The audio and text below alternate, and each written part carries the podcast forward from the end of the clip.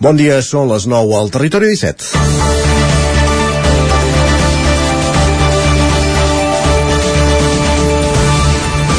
El conseller de Salut, Josep Maria Argimon, anunciava divendres una nova normativa que vol posar fi al fum del tabac de les terrasses de bars i restaurants, així com a les entrades dels centres escolars i sanitaris. La notícia va agafar per sorpresa els representants del sector de bars i restaurants que lamenten aquesta decisió sense haver-los consultat prèviament i que arriba en un mal moment després de dos anys de restriccions per la pandèmia, diuen. En una consulta que ha fet el 99.cat entre els seus lectors, el 62% d'aquests asseguren que estan a favor de les prohibicions anunciades per la Conselleria. Unes prohibicions que, si es compleixen els terminis previstos, podrien entrar en vigor l'estiu vinent.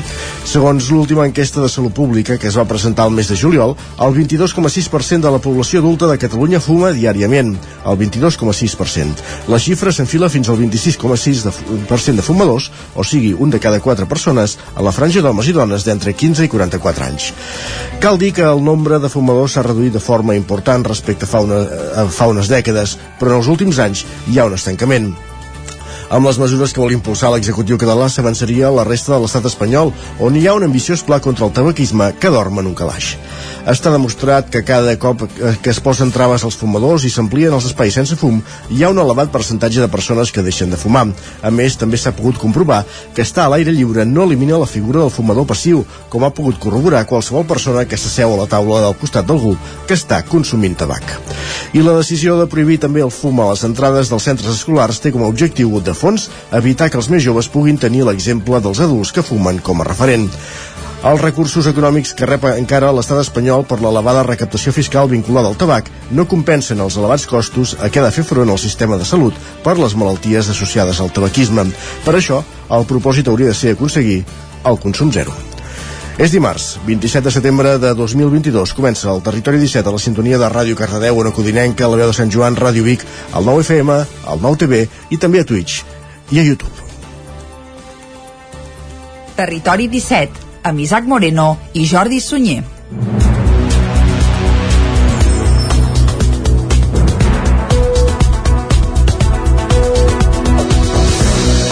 Doncs vinga, passen dos minuts i mig de les 9 del matí d'avui dimarts, dia 27 de setembre de 2022 i arrenca de seguida un nou territori 17 que avui, com sempre, durant la primera mitja hora us acostarà tota l'actualitat de les nostres comarques. A dos quarts en punt de 10, què farem? Doncs pujarem al tren, com cada dia, a la Trenc d'Alba, fent un vol per la R3 i tot seguit serà el moment de l'entrevista. Avui, Isaac, des d'on? Avui anem fins a la veu de Sant Joan amb l'Isaac muntades per conversar amb Joaquim Roquer, del director del Festival Terra Gollut de Ribes de Freser, que ja estan dansant.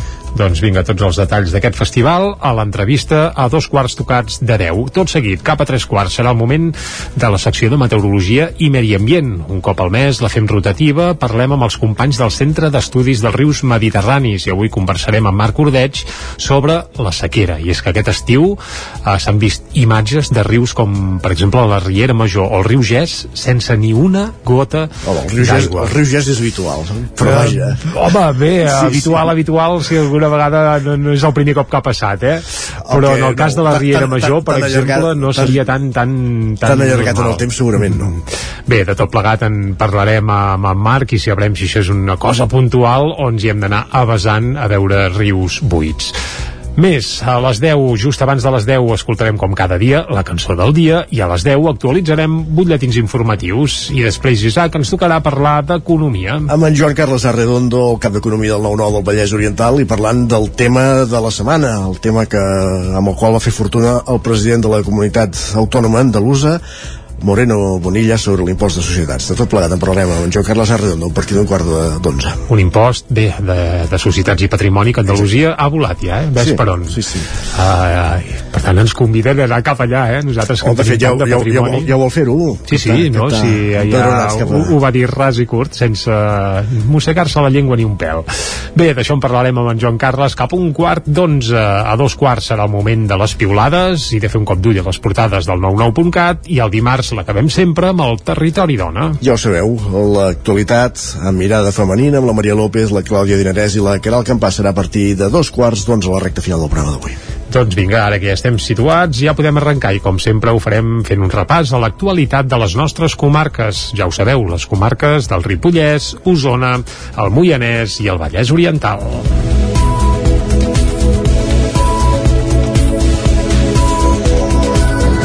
El proper mes de març farà 5 anys que la biguetana Marta Rovira viu exiliada a Ginebra. Per aquest motiu, unes 200 persones van participar diumenge a Vic en un acte de solidaritat cap a la secretària general d'Esquerra Republicana. Hi van, inter hi van intervenir el president d'Esquerra, Oriol Junqueras, la diputada Meritxell Serret, família i amics properes de la biguetana i la mateixa Rovira a través d'una videotrucada. A menys d'una setmana del cinquè aniversari del referèndum de l'1 d'octubre, el cercle més proper de la biguetana i secretària general d'Esquerra Republicana, Marta Rovira, va convocar diumenge un acte per denunciar les seva situació d'exili. La mateixa Rovira hi va intervenir telemàticament des de Ginebra, on resideix des de ja fa 4 anys i mig, i va alertar que la repressió no s'ha acabat. Escoltem a Marta Rovira.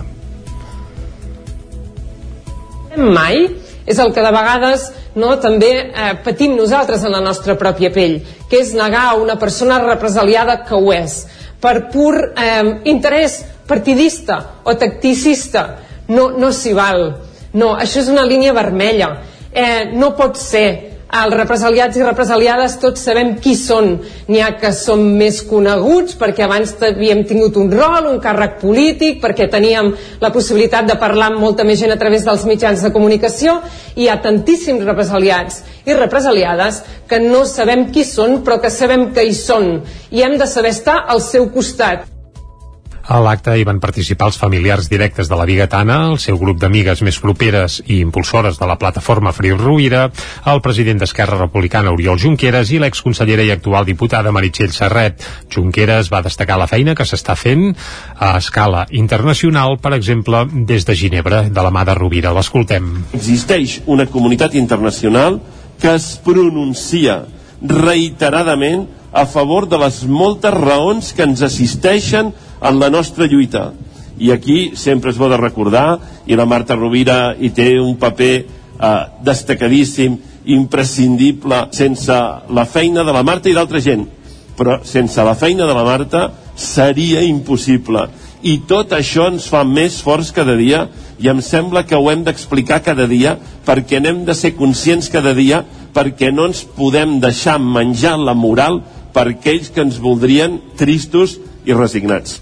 Rovira, visiblement emocionada, també va voler subratllar que des de l'exili visibilitzen la causa independentista amb orgull i va aprofitar per fer una crida a la unitat. L'acte que es va fer a la plaça de la Catedral de Vic es va acabar amb un vermut musical. Més qüestions encara de la pàgina política, perquè l'activista feminista i LGTBIQ+, Mercè Falguera, serà la nova regidora de la CUP a l'Ajuntament de Cardedeu en substitució de Laia Muñoz. Mercè Falguera assumirà formalment el càrrec al ple d'aquest 29 de setembre. Ostentarà la primera tinença de l'alcaldia i liderarà les regidories d'Acció Social, Igualtat, Habitatge i Salut. Anem, per tant, fins a Ràdio Televisió Cardedeu. Ja ens acaba d'ampliar aquesta informació l'Òscar Muñoz. Dijous, l'activista feminista i LGTBIQ+, Mercè Falguera, assumirà formalment formalment el càrrec de regidora en substitució de Laia Muñoz. Mercè Falguera és doctora en Antropologia Social especialitzada en la recerca al voltant del parentiu i, en concret, de les maternitats lèsbiques. A part, Falguera és educadora social i fa molts anys que es dedica professionalment a l'àmbit de la intervenció socioeducativa en l'infància, joventut i família. Les passades eleccions municipals, Mercè Falguera era la número 8 i ara assumirà el relleu i passarà a formar part del govern municipal que la CUP manté amb Esquerra. Quan la Laia ens comunica que, que deixa les regidories per, per una qüestió personal, eh, fem un debat a l'Assemblea i és l'Assemblea qui em proposa, bàsicament eh, per dos motius. Una, perquè jo conec l'administració pública, sóc servidora, eh, treballo fa molts anys en atenció a les persones, i per l'altra banda, per la meva vessant activista feminista i LGTBI. I a més a més, el que fem eh, pactant amb el govern d'Esquerra és, eh, donada la meva expertesa, fem un canvi de regidories. L'UC, que portava igualtat, passarà a, a, a portar portar organització i la regidoria d'Igualtat la passaré a portar jo. A banda de la regidoria d'Igualtat, Falguera també lidera les regidories d'Acció Social, Habitatge i Salut i ostentarà la primera tinència d'alcaldia. La CUP Cardedeu ja treballa de cara a les properes eleccions municipals amb assemblees de treballs obertes per decidir quins seran els objectius de cara a la campanya 2023. Neix també una nova llista d'independents a Sant Julià de Vilatorta, on les últimes eleccions només s'hi ha presentat el grup vinculat a Esquerra. La candidatura encapçalada per Marta Cornelles defensa que al poble ara li convé un canvi. Els gairebé 3.200 veïns de Sant Julià i Vilalleons tindran l'opció d'escollir com a mínim entre dues llistes a les municipals del maig de l'any que ve.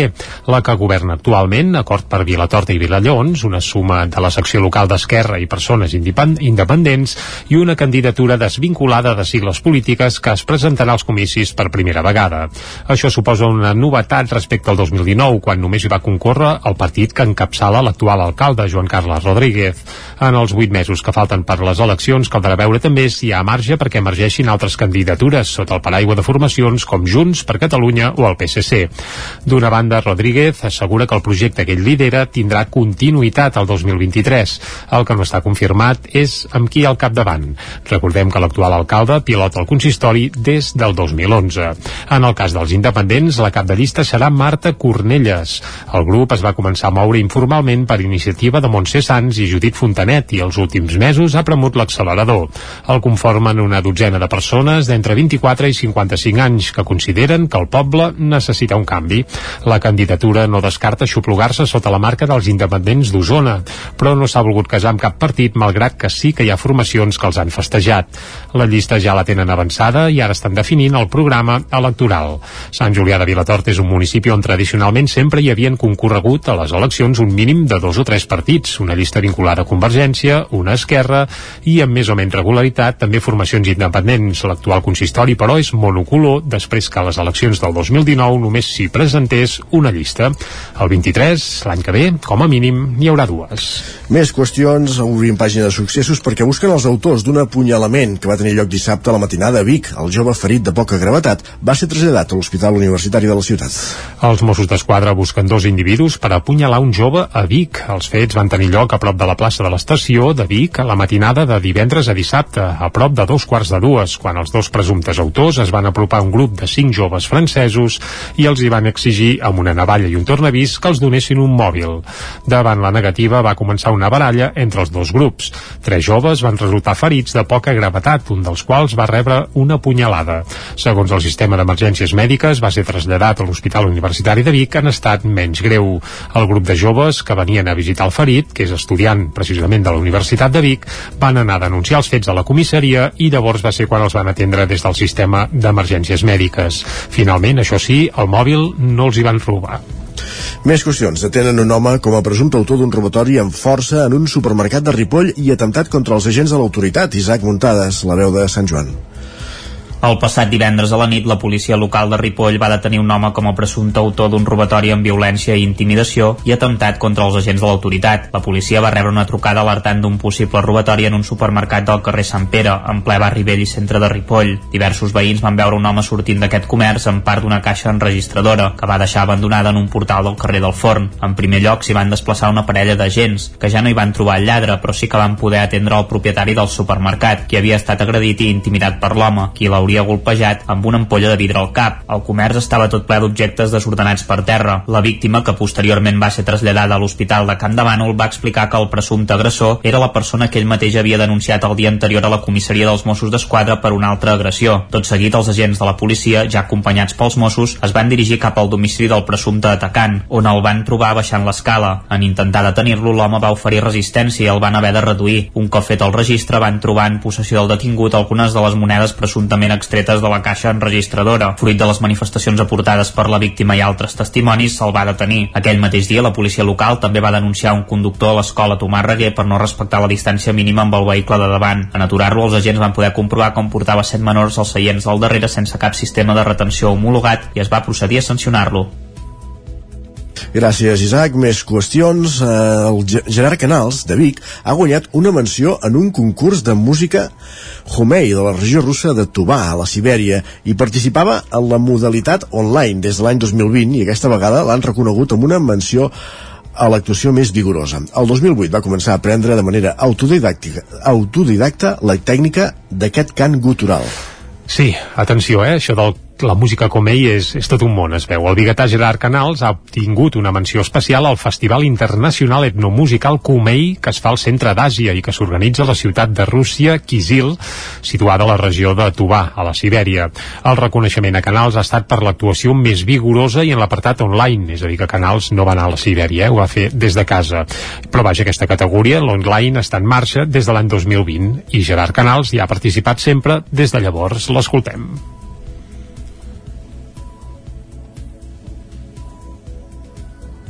Jo sempre faig la broma amb els amics, no? Els dic, és que la gent que ja no ha jurat allà és com si un cantant de rock hi tingués, jo que sé, el guitarrista de, de, de, dels Dire Straits, el cantant de Rolling Stones i, i, i, i jo que sé, saps? O sigui, són els millors de la seu, del seu gènere els que formen el jurat. I llavors que aquesta gent vegin un vídeo meu ja, bueno, ja és com extraordinari, no? I que el puguin valorar i dir, ostres, doncs mira, li donem un premi, doncs, eh, esclar, fa molta il·lusió, la veritat és que, que sí. Gerard Canals ha après aquest tipus de cant gutural de manera autodidacta. Ell és enginyer tècnic agrícola, llicenciat en Ciències Ambientals i es dedica professionalment a l'enginyeria, però també és escriptor. I en la recerca que feia sobre la mitologia relacionada amb la figura de l'os a la Sibèria, va descobrir la música Komei, una música típica de la zona centreasiàtica que formen el sud de la Sibèria, Mongòlia i països també del Kazakhstan. Va quedar fascinat i es va proposar d'aprendre'n. Els dos mesos que va haver d'estar de baixa a casa per una fractura fractura al braç, el 2018 van ser el punt de partida. El cant comei és un cant harmònic i difònic que fa servir els harmònics de la veu i que permet emetre més d'un so a la vegada, ho explica Gerard Canals. Tenim dues cordes vocals eh, que són les, les habituals, les que fem servir per parlar, i després en tenim dues que diuen falses cordes vocals o cordes vocals eh, bueno, que no són ben bé unes cordes vocals, que les tenim més avall i que no s'activen mai, només s'activen si les cordes vocals normals estan inoperatives perquè s'han tallat d'alguna manera. Llavors és activar aquestes cordes vocals. En el fons això ho podríem fer tots però és difícil. És a dir, el kit de la qüestió eh, és que tenim alguna terminació neuronal i nerviosa que va del nostre cervell fins a aquestes cordes vocals.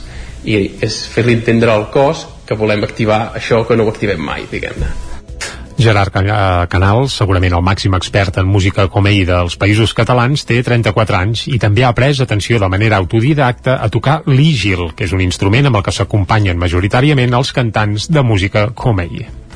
Esports. I a la pàgina esportiva us expliquem que la pilot codinenca Alba Villegas ha estat campiona de trail de les Nacions que s'ha celebrat a Monza, Itàlia. Caral Campàs, des d'Ona Codinenca. Villegas formava part de l'equip espanyol juntament amb la terrassenca Berta Avellan, que és subcampiona del món, i la madrilenya Sandra Gómez. Les esportistes van aconseguir el títol per davant de la Gran Bretanya en una lluita ferrissada, ja que anaven per darrere en la primera volta i van haver de fer un segon gir de gran nivell. L'èxit més gran de la carrera d'Alba Villegas és aquest, fins ara ella era motxilera i no havia de córrer, no havia de córrer previsiblement, la van avisar tres setmanes abans. Sentim-la. Mm, el que vaig estar entrenant uns dies abans, quan ho vaig saber que havia d'entrenar, eh, la, la modalitat del non-stop. Jo sempre havia fet trial parant i, i ara el campionat del món fa 4 o 5 anys que, que no està permès parar i això ho vaig estar practicant i sí que les primeres zones m'era com com estrany. Bueno, ja m'era estrany ja el dia abans mirant les zones com a pilot, perquè portava anys mirant les zones com a motxilera aquestes grans declaracions al programa Tu jugues dona Codinenca.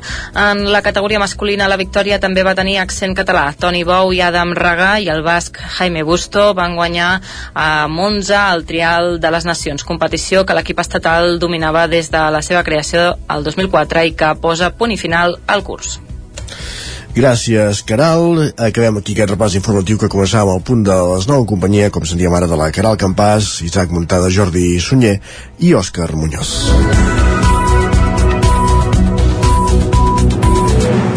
És moment ara, al territori 17, de conèixer la previsió del temps. Casa Terradellos us ofereix el temps. I això vol dir que és moment de saludar en Pep Acosta, que ja el tenim a l'altra banda del fil telefònic. Fe, Pep, salut i bon dia. Hola, Pep. Hola, ara, ara, bon dia. I bona hora. Un dia més, puntuals al cita I tant que sí. de l'espai del temps. Mhm. -huh. salutacions primer de tot a tota la, la gent que fa possible aquest programa gràcies, gràcies també salutacions a tots els, els oients què tal? Espero que hàgiu començat bé la setmana Ui, tant. que estigueu tots molt i molt bé uh, pel que fa al temps va. aquesta nit uh -huh. no ha estat tan fresca o freda cap al Pirineu com l'anterior avui les mínimes han pujat 1 o 2 graus uh, no ha glaçat alta muntanya uh, moltes mínimes entre els 5 i els 10 graus a les zones més fredes tot i que la majoria entre els 10 i els 15 uh, no ha fet tan fred tot i que eh, tenim el cel despejat, no hi ha gairebé cap núvol, eh, molt pocs núvols, però s'ha tallat una mica um, um, s'ha tallat una mica aquesta, aquesta entrada vent de nord. No, no bufa tan fort aquest vent de nord i per això s'ha tallat aquesta injecció d'aire fresc i per tant la temperatura mínima ha pujat, ha pujat una mica. Uh, aquest matí dominarà el sol mm, molt pocs núvols algun núvol prim alguna boira poder cap a l'interior molt poca cosa. De cara a la tarda creixement de nuvolades i com a molt fins i tot poden deixar quatre gotes, quatre gotes a la zona del Montseny o de les Guilleries. Cap al Pirineu també creixen nuvolades però al principi en aquella zona no hi haurà cap precipitació uh, pot ser, pot ser, pot ser que, que plogui això, on més plourà és a la zona, si plou, ojo, eh, s'ha ploure, cap a la zona del Montseny o de les Guilleries. I si ho fa seran eh, pluges poc destacades, eh, com molt entre el 0 i els 5 litres. I a més, molt, molt localitzades, eh? no seran generals ni de bon tros les pluges d'aquesta tarda. Les temperatures màximes, molt semblants a les d'ahir, la majoria entre els 18 i els 23 graus. I a destacar el vent, el vent que serà eh, moderat als cims del Pirineu i també als cims del Montseny i de les Guilleries, cops de 50, 60, 70 quilòmetres per hora, una mica destacable que farà eh, augmentar la sensació de fred o fresca en aquests eh, llocs. I això és tot, a disfrutar el dia d'avui, a disfrutar del temps, els pròxims dies sembla que la inestabilitat anirà més, un front de nord ens creuarà, amb, amb un descens de temperatura i amb més probabilitat, possibilitat de tempestes i ruixats. Veurem què acaba passant els pròxims dies. Moltes gràcies, adeu. Gràcies a tu, Pep. Exacte, ja estem situats. Avui potser algun ruixat i sembla que de cara a demà la cosa es pot animar. Ho seguirem aquí Exacte. a Territori 17 i ara anirem cap al quiosc. Va, som-hi. Casa Tarradellas us ha ofert aquest espai. Moment de conèixer les portades dels diaris del dia. És dimarts, per tant no, no comencem per les portades del 9-9. No, el 9-9 fins divendres no el tornarem a repassar i farem un cop d'ull eh, al digital, però de moment anem pels Vaja, pels diaris de paper i comencem com sempre pel punt avui que titula Parant el braç i és que comença la vacunació de la quarta dosi a les residències de gent gran, evidentment la quarta dosi de la Covid, eh? Uh, això vol dir que ens enfilem a la tardor i ja veurem no, què, què, què va passant. No, no falta vaja. gaire perquè comença la campanya de la grip, de fet, però vaja. Bé, precisament el subtítol diu que la campanya serà simultània amb les injeccions de la grip, per tant, uh, dos per un, uh, molts braços, per tant, potser se n'hauran de parar dos i tot. Doncs bé, això s'explica a la portada del Punt Avui, on també s'hi veu una fotografia gegantina amb les sales de teatre alternatives que entren en escena. Combinar petits escenaris amb els més comercials ajuda els artistes a sobreviure. Això s'apunta en un reportatge que apareix al Punt Avui, on també citen quines són les petites sales que hi ha, sobretot a Barcelona. I la victòria de Meloni aboca Itàlia a la incertesa. Això també a la portada del punt avui. Més portades, anem cap a l'ara, titular principal, examen final a l'estabilitat del govern. Fan referència, evidentment, al nostre, de govern, al català, i és que avui Pere Aragonès, eh, quarts de 12, eh, passarà comptes, entre cometes, al Parlament. Aragonès diu que anunciarà un paquet anticrisi d'uns 300 milions i una proposta per a l'autodeterminació aviam, aviam què explica. A la portada de l'Ara també hi veiem una fotografia de la plaça d'Espanya i diu la Mercè acaba amb petició de canvis, una fotografia del piro musical que van fer ahir per culminar la festa major, i també Prudència a Europa i eufòria a la ultradreta pel triomf de Meloni. Anem a altres portades. El periòdico Meloni podrà formar govern però sense fer reformes dràstiques, això apunten a la portada del periòdico, i la fotografia és per la Rússia que no vol guerra i es veuen un seguit de joves que bé, que es volen escapolir eh, perquè clar, en teoria els han cridat a files i ells que volen fugir i suposo que ben fet que fan perquè pinten bastos en aquest sentit. A l'avantguàrdia també hi apareix Meloni amb un cartell a les mans que diu Gràcies Itàlia, Gràcia Itàlia i diu Meloni promet responsabilitat davant la freda reacció de la Unió Europea. Això és el que s'apunta a la portada de l'avantguàrdia on també hi veiem amb un raconet que el piro musical a ritme d'Itàlia tanca la Mercè, tot lliga, eh? tot queda italià, la portada de l'avantguàrdia en aquest sentit, i Esquerra i Junts arriben en plena disputa al debat de política general, un debat que recordem-nos eh, arrencarà just quan acabi musical. sí, just quan acabi el territori 17 d'avui de l'avantguàrdia anem ara cap a portades que s'editen eh, a l'estat espanyol i començarem com sempre pel país. Eh, titular a cinc columnes no passa gaire sovint al país i diu la Unió Europea té por de l'efecte Meloni evidentment eh, temen que la ultradreta doncs, s'estengui encara més del que, del que ja està estesa, perquè recordem que a Polònia, Hongria, doncs si fa no fa, hi ha governs del mateix perfil. També eh, tirs i còctels Molotov contra el reclutament a Rússia. Això també apareix a la portada del país. Més portades eh, ibèriques, anem el Mundo, la Moncloa força la dimissió de Pérez Tornero per prendre el control de Ràdio Televisió Espanyola. I també hi veiem a Díaz Ayuso, eh, amb una cita textual, amb una fotografia també gegant, eh, que queda... Bé, sempre queda bé el Mundo Díaz Ayuso i diuen li agradi o no a Sánchez jo seguiré abaixant impostos. I curt. Això a la portada del Mundo a l'ABC. Atenció al titular de l'ABC. Atenció, un de cada tres atarres del País Basc ja estan semillibertat. Carai. Clar, tenint en compte que han plegat veles ja fa molts anys i panys i tot plegat, a mi encara em sembla poc, però vaja, un de cada tres ja estan en semillibertat, a més no en llibertat total, sinó semi. Això a l'ABC els hi sembla un disbarat total i acabem a la Razón. El PP trenca el cordó sanitari que Sánchez va aconseguir en època de Rajoy. Aquest és un titular que apareix a la Razón, on també hi veu, si veiem a Meloni que humilla a Salvini, diuen ells. 3 minuts i tornem amb més continguts aquí al Territori 17. Fins ara mateix. El nou FM, la ràdio de casa, al 92.8. El diumenge 9 d'octubre tornen els bolets a ceba. 24a edició de la Festa del Bolet, una de les fires de referència pel sector boletaire a Catalunya. Hi trobaràs les tradicionals parades de productes relacionats amb els bolets, testets i exposicions, activitats i actuacions i l'esperat concurs de bolets. Vine a la 24a Festa del Bolet de Ceba. Més informació a ceba.cat. Cobertes serveis funeraris. Els nostres tanatoris estan ubicats en els nuclis urbans més poblats de la comarca d'Osona per oferir un millor servei. Tanatori de Vic, Tanatori de Manlleu, Tanatori de Centelles i Tanatori de Roda de Ter.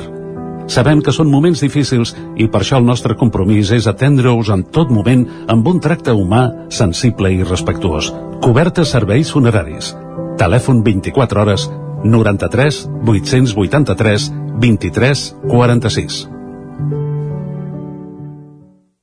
Centre Auditiu Aural. Som al carrer Jacint Verdaguer 17 de Vic. Telèfon 93 883 59 79. Aural Vic, el camí cap a la millor audició i el benestar. A Deportec estem especialitzats en el tractament d'aigües residuals i el tractament de purins. Donem un servei integral en el tractament de l'aigua, oferint el disseny de la línia hidràulica, reparacions i manteniment, analítiques, formulació i subministrament de productes químics. Ara a Deportec et podem ajudar a obtenir un gran estalvi energètic en la deshidratació de fangs, oferint-te un sistema innovador, el Depordisc. Deportec, ens trobaràs al carrer de la Fusteria 22, al polígon de les Gaules, a Tona. Amb Pradell estalvio energia i cuido la meva butxaca i el medi ambient. Posa't en mans a Pradell, són experts en calderes de gas i condensació, estufes de pèl·let, energia solar, terres radiants i geotèrmia. Pradell instal·la calderes de biomassa per a particulars i per a empreses. Si vols estalviar un 50% en consum, contacta amb Pradell i passa't a les energies renovables.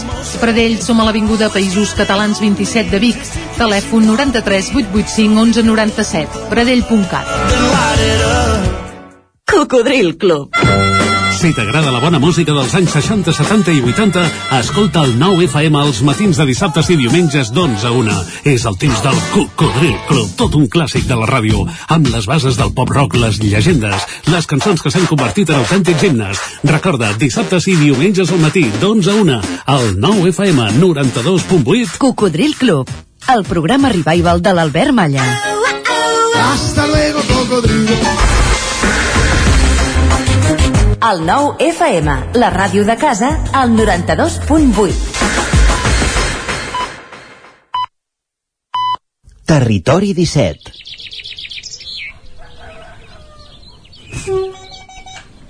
A Tren d'Alba. Cada dia els usuaris i usuàries de la línia R3 de Rodalies que veuen sortir el sol des d'un vagó ens expliquen les gràcies i les penes del primer comboi que uneix Ripoll i Barcelona o les feixugues jornades amb el tren després de treballar. Benvinguts a Tren d'Alba. Els trens no van bé. Aquesta evidència es fa palesa amb l'últim desastre que va passar ahir, en què la circulació ferroviària entre Sant Quirze i Ripoll es va haver d'interrompre per la caiguda d'un arbre a la zona de vies, segons va informar Renfe. Sembla el dia de la marmota, això. Que caigui un arbre és tan comú a la línia R3. A l'any en deuen caure 4 o 5 mínim. En fi, es van haver de mobilitzar autobusos per fer el trasllat alternatiu dels passatgers per carretera. Escoltem què diu en Jordi Valls a la crònica d'avui. Bon dia, sóc en Jordi de Centelles. Avui 20 i pico minuts tard. Dic el pico perquè ja ni ve de gust comptar. La veritat és que venen dos trens junts, molt llargs, 200 metres de tren, a patar. Aquí sí que eh, es pot fer el que pot, es pot fer. Però 26 minuts, si entenem que el ritme caribeny és un ritme lent i a poc a poc, el nostre tren era del Carib. Anava poc a poc, tancava les portes poc a poc. Entenc que hi havia molta gent, eh? Però veiem que la gent ja havia sortit. Xulo, les companyes de viatge, com sempre, explicant cap de setmana, rient, amb aquella gent amb tota la cara així, i nosaltres fent gresca. Un dia ens fotran fora del tren. Si pugeu al tren i sentiu gresca, amb el de la 607, a Centelles som nosaltres, fugiu, no dormireu, segur. Però ens ho hem passat molt bé, tot i que gairebé ni podíem parlar. Res més, una aventura més, i anar sumant. Eh, jo vull un tren normal, si us plau. Que una mala Renfe no us espatlli la màgia del tren. Adéu-siau, una abraçada. La bona notícia és que els trens eren llargs. La dolenta és que anàveu com sardines. I a sobre el comboi va lent. Això no és una novetat, però molesta igualment. Va, ens retrobem demà amb més històries del tren i de l'R3. Apunta Isaac, que li posem a la carta als Reis el tren normal a en Jordi Valls. Territori 17, el 9 FM, la veu de Sant Joan, Ona Codinenca, Ràdio Cardedeu, Territori 17.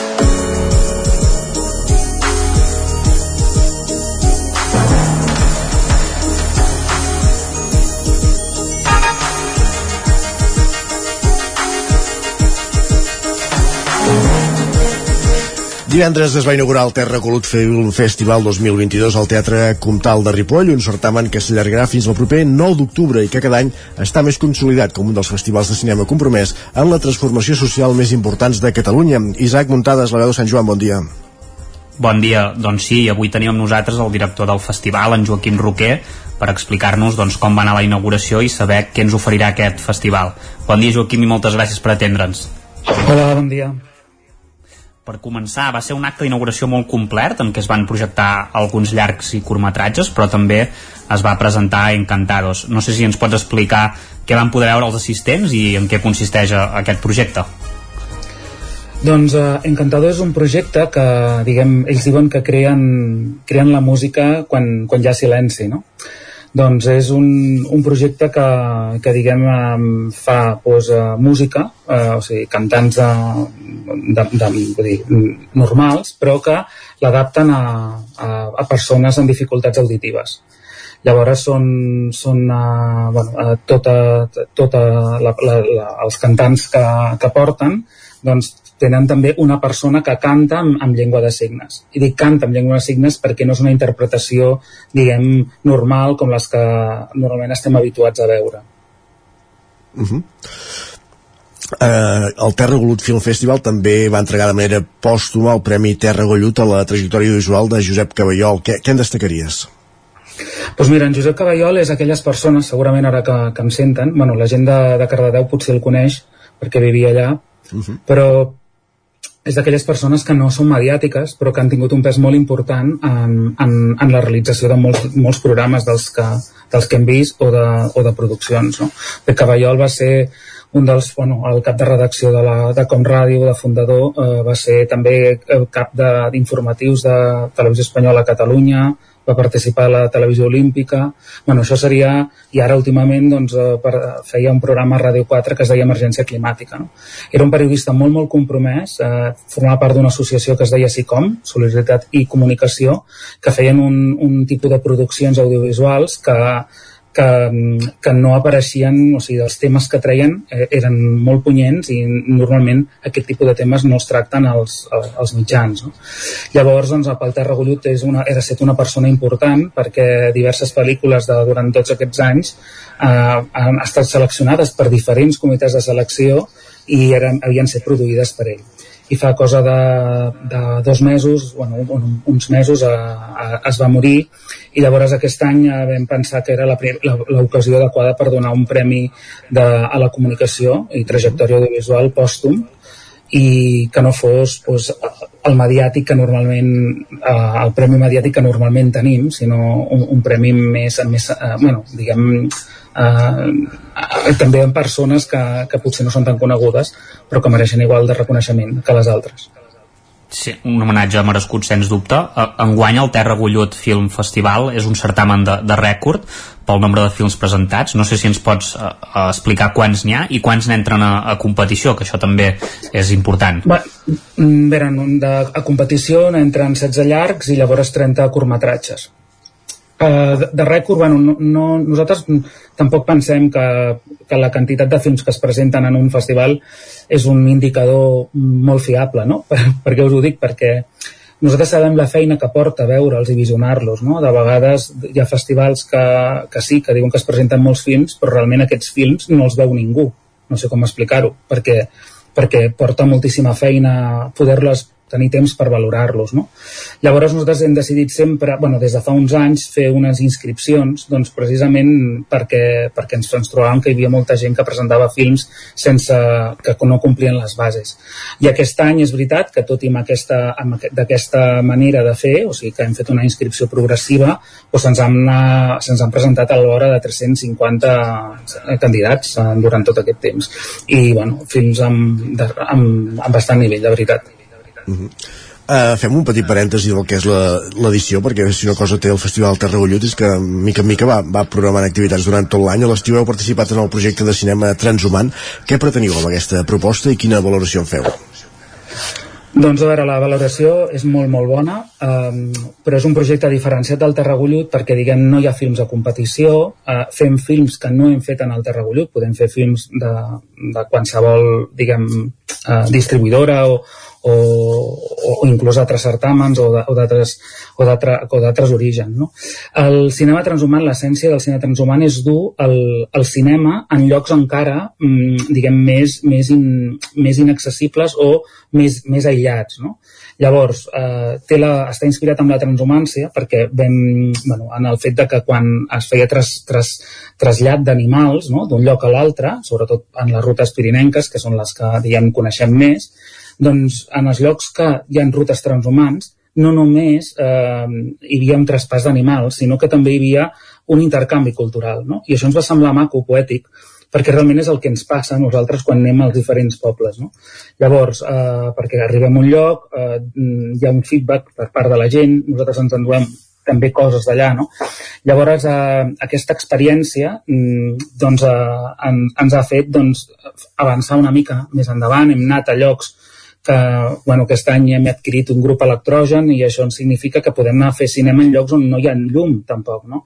Hem anat a refugis de muntanya, vam fer la sessió de, de sis nits d'agost de, de la pel·lícula de Lluís Maria Xirinacs els últims dies en el lloc on ell va morir i en el lloc on es va rodar la pel·lícula, per exemple, això era inimaginable l'any passat, no? Llavors, doncs, aquesta experiència de, de dur el cinema en llocs singulars eh, ens ha agradat molt i, i sens dubte anirà més.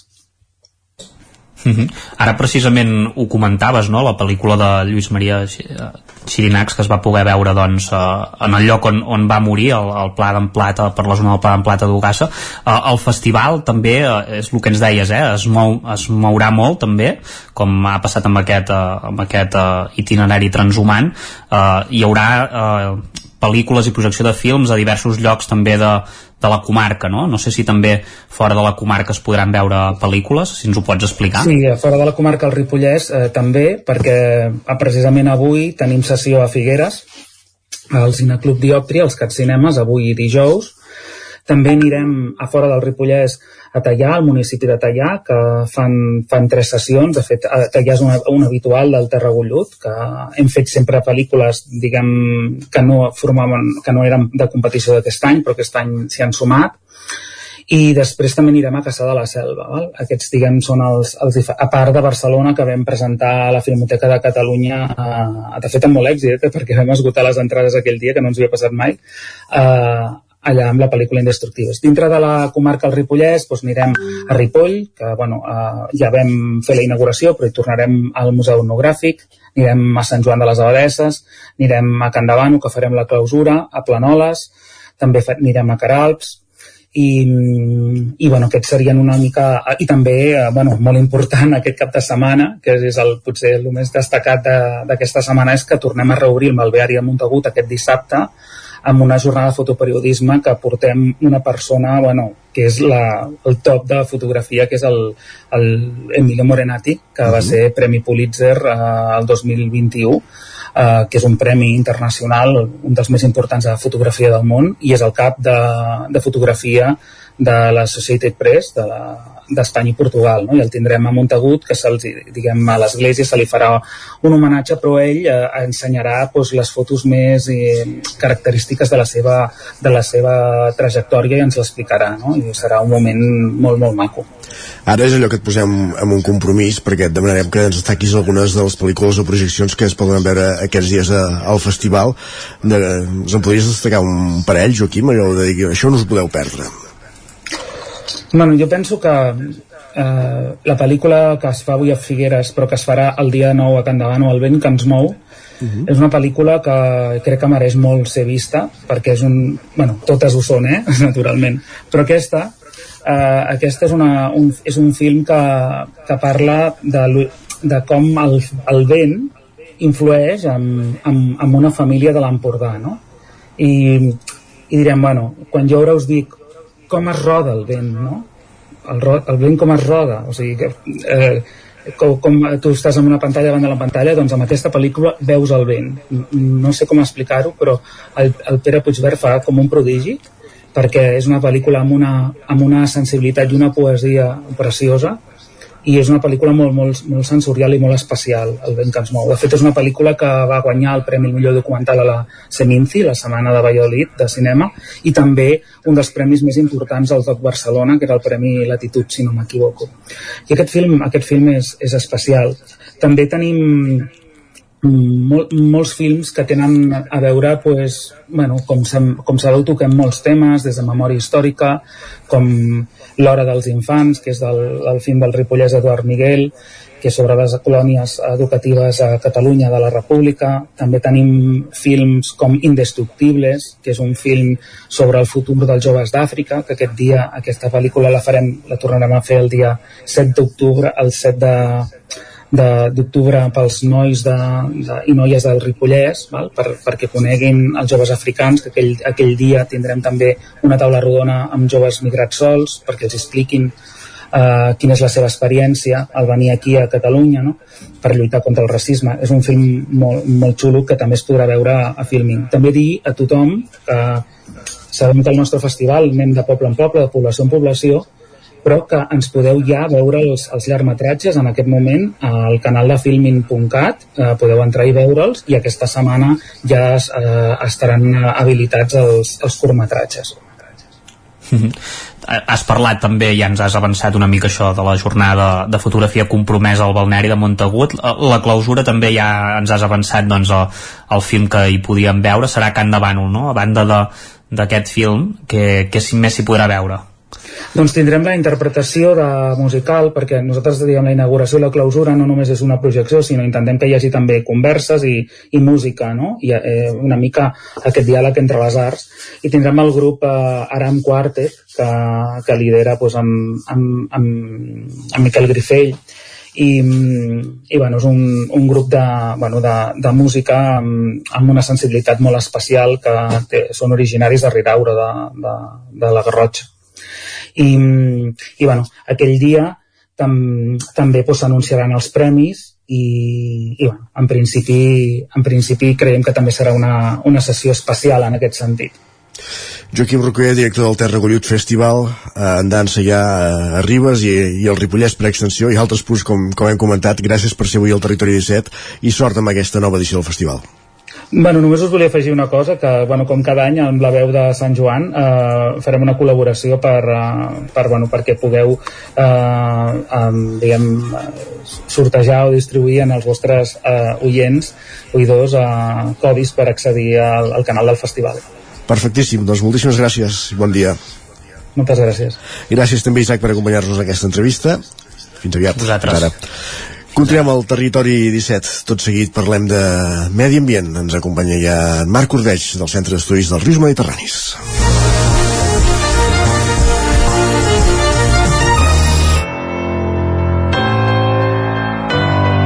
Territori, Territori 17. 17. Territori 17.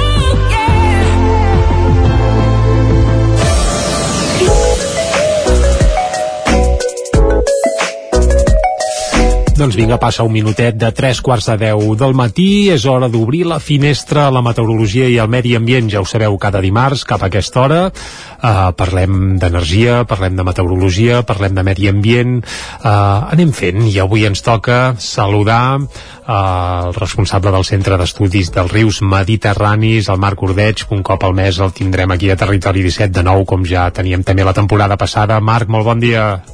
Bon dia, com anem? Bé, i per arrencar temporada volíem començar, Marc, parlant d'una imatge que hem vist eh, aquest estiu que no és gaire habitual i és alguns rius de, bé, de les nostres contrades no amb poca aigua, sinó sense aigua. És a dir, durant el mes d'agost vam veure eh, el riu Gès sense ni una gota d'aigua al seu pas per Torelló, just abans de, de desembocar el riu Ter. Aquesta imatge l'hem vist també a la Riera Major, un fet jo diria que encara més poc habitual, i no sé si ens hi hem d'anar acostumant a aquest tipus d'imatges o això és del tot excepcional i, i ha sigut aquest any o no però Marc, per on, per on ho hem d'agafar això? Es repetirà? Anem de mal a emborràs en aquest sentit? Uh, anem de mal a emborràs la cosa, la cosa està, està, està, està malament està malament, hem de dir les coses com són el que fins ara podia ser un any excepcional els que treballen en escenaris de canvi climàtic ens diuen uh -huh. um, que, que, que, que, que això que això que ha passat aquest estiu pot anar passant de manera molt més habitual que fins ara o sigui, que els rius, els cursos fluvials, els torrents, rieres permanents com era el GES o com era la Riera Major, eh, poden, o, o el mateix Ter, eh? ja veurem, poden arribar a esdevenir doncs, semipermanents, temporanis, efímers, depèn de... O sigui... Vaja, que els rius moment... es poden convertir en rieres, ras i curt. Sí, i que en algun moment s'arriben a, a, a secar del tot, potser no, per exemple, quedarà alguna gorda, estem parlant d'Osona, el Ripollès, etc. Eh? Però clar, això pot comportar molts problemes perquè els animalons, els invertebrats, els peixos es queden allà concentrats a les gorgues, amb aquella temperatura la, la, de, de l'aigua, eh, l'oxigen se'n va i, i, i, i, i amb aquella concentració d'animalons es freguen els uns als altres, hi ha eh, malalties, hi ha, etc i per tant alguns es moren, alguns no poden ni respirar. És, és un escenari dramàtic que afecta, per tant, la biodiversitat, l'ecologia, també la qualitat de l'aigua. Eh? Mm -hmm i aquest escenari, com bé dius, ens hi hem d'anar acostumant. Ens hi hem acostumant i això no vol dir que haguem d'estar amb les mans creuades, els braços creuats, eh? Crec que hi estem, sincerament. Crec que sí que eh, ja els ajuntaments, eh, l'Agència Catalana de l'Aigua han promogut que aquest estiu la gent mm, no regués o regués menys, eh? com a mínim no regués la gespa, la gent ha fet més o menys cas, que la gent estalviés aigua a casa, la gent ha fet més o menys cas. També és veritat que les empreses d'aigua el que han fet és rebaixar la pressió de l'aigua de la xarxa i ens hem quedat una mica fumuts i a l'hora de dutxar-nos No queia sortia menys tanta aigua, aigua. i hem estalviat, no? Em sembla que deia Aigües Vic que havien Sí, van, en van parlar aquí a Territori 17, van sortir unes xifres i sí que és cert que, que bé, que seria, comparat amb l'any passat, doncs la davallada havia sigut notòria. Sí, amb aigües d'Osona, etc altres parts de, de la comarca també d'Osona, el Ripollès no, no ho sé tant, hi ha hagut una davallada, però sobretot perquè sí que la gent ha mirat, el- hi ha gent que ha cregut i no ha regat la gespa, i hi ha altra gent que doncs, ha mirat de, de, de rentar les coses amb una mica més de cura, de dutxar-se més ràpid, etc etc. Eh? Però mm, eh, la cosa sí, diguem, està, està, està complicada i per tant ens hem, ens hi hem de posar de valer. I això què voldria dir? Per exemple, en el cas del GES, recordem que gairebé a la capçalera del riu eh, bé, doncs hi ha bé, en surt un brancamp d'aigua que va directament a Malars i cap a Aigües Vic. Això s'hauria de- d'anul·lar ja o això seria una solució, per exemple? És a dir, no, entre cometes, eh, no robar aigua del riu? Això és un, és un transvasament històric de quan no hi havia tecnologies eh, per tractament d'aigua i que Vic va aconseguir eh, amb una inauguració sonada que hi va anar el bisbe amb un ruc amb un ruc eh, amb un ruc i van portar el bisbe, no recordo com es deia el bisbe Parelló, un bisbe mallorquí el van d'un ruc fins allà a Forat Micó eh? hi ha imatges bestials d'un llibre d'història d'aigües de Vic molt, molt xulo. Eh, clar, van portar aigua que pràcticament no s'havia de tractar amb una mica de clor i ja estava fins a Vic i arribava rodada pràcticament eh? Uh -huh. eh, crec que arribava, no, realment arribava rodant. Rodant vol dir que no hi havia cap mm, bomba ni res. Sí, sí, per decantació, com que ja el desnivell era important, diguem que ja venia sola, entre cometes. Sí, sí. No recordo l'any, però és just a la postguerra, 40-50, l'any 40-50, 40 i escaig, no recordo. Uh -huh. Llavors, clar, suposo que l'empresa intenta mantenir això, perquè és un, un punt de, de, de, de manteniment mínim d'un cabal que és petitó, que és jo crec que és menys d'un 100% de l'abastament eh? I, i bé mm, eh, suposo que l'empresa intenta mantenir això per seguretat però és cert un transvasament en una conca com la del GES potser s'hauria de replantejar perquè el que és el GES eh, no li sobra res eh? hem fet una rima però, però el GES, com totes les conques aquestes que parlàvem, la Riera Major, per altres motius, perquè també hi ha molta vegetació que ha crescut per l'abandonament de, la, de la ramaderia extensiva, per, perquè s'ha deixat d'explotar el bosc, per moltes coses, doncs també hi ha una absorció d'aigua per part de la vegetació, per molts motius, al GES li falta aigua, si, li portem, si el portem cap a Vic, bueno, potser, potser hauríem d'anar ja replantejant-nos una captació com aquesta. Eh? Doncs aquesta podria ser una solució. Fem un cop d'ull cap a la Riera Major, perquè aquest estiu també es va veure alguna situació surrealista. Per exemple, resulta que Vilanova de Sau s'abasteix eh, d'uns pous a tocar de la Riera Major, que per tant intueixo que pràcticament deu ser aigua de la Riera, però aquest estiu eh, no van poder, no hi havia aigua i Vilanova de Sau, que té el pantà a tocar, doncs bé, van haver d'estar unes setmanes doncs, fent, fent mans i mànigues i fins i tot amb cubes perquè, vaja, perquè es van quedar sense aigua. Vilanova de Sau, que té la Riera Sí. Major a tocar, i el pantà, una situació també del tot extraordinària. Sí, sí, i algun altre torrent. Hi ha, eh, la, la, la, la Vilanova de Sau s'abasteix d'una petita resclosa, que és la resclosa dels Crous, que és eh, a, l'alçada, diguem, de la mateixa latitud que el municipi, però que va amb una mina, amb una mina que passa, per tant, és una canonada de quan es va construir el pantà, eh, que porta aigua cap al pantà de Sau, per aprofitar l'aigua de la Riera Major per fer energia elèctrica al pantà de Sau. Clar, és que això també per situar la gent, eh? La Riera Major, quan es va fer el pantà, el tram final es va desviar perquè si no, diguem que hagués, eh, entre cometes, desembocat ja a Susqueda més que Sau, eh? Que van fer una obra així tot curiosa i a més d'enginyeria espectacular, perquè van fer una Sí, sí, sí. bestiesa, eh? Mm -hmm. Clar, és una proporció petitona, però en aquell moment van pensar, mira, tota aquesta aigua que podem fer saltar i per fer energia a Sau, doncs eh, la podem fer passar i, i desemboca molt a prop de la presa, però per damunt de la presa de Sau. Eh? I la part final, ara, ara, ara crec que ja s'ha establert un cabal ambiental, és un tema que es havia discutit amb l'Agència Catalana de l'Aigua i l'Espai Natural de les Guilleries i, i ha establert aquest cabal, però és que aquest estiu no hi havia cabal ni ambiental ni, Ni- ni de cap Sau, manera. ni per Vilanova, no? I això ens està dient moltes coses. Eh? La, la Riera Major, també com el GES, està situada en un lloc plujós, la serralada prelitoral en el cas del GES, o el Montseny en el cas de la Riera Major, que són llocs bastant plujosos, en el cas de la Riera Major és cara nord, per tant és un lloc que la insolació no hi toca massa directament i hauríem d'esperar que, que té aigua de sobres però no ha estat així. Per tant això és, és molt preocupant. També és cert que tant el Montseny com les Guilleries amb l'abandonament rural, això mateix que comentàvem abans doncs s'hi ha fet molta vegetació mm, molts camps abans, molts espais que abans eren camps ara estan plens de vegetació, la vegetació és molt bona però tot arreu potser no és bo eh? i això consumeix molta aigua i per tant hauríem d'anar-nos replantejant d'obrir més espais que perquè en aquest sentit molta gent pensa, ostres, un riu millor que de, discorri entre cometes amb ombres, que s'evita evaporació i tot plegat, sí. però és a la inversa, és a dir, com més arbrat i més vegetació, més consum d'aigua del mateix riu, sí?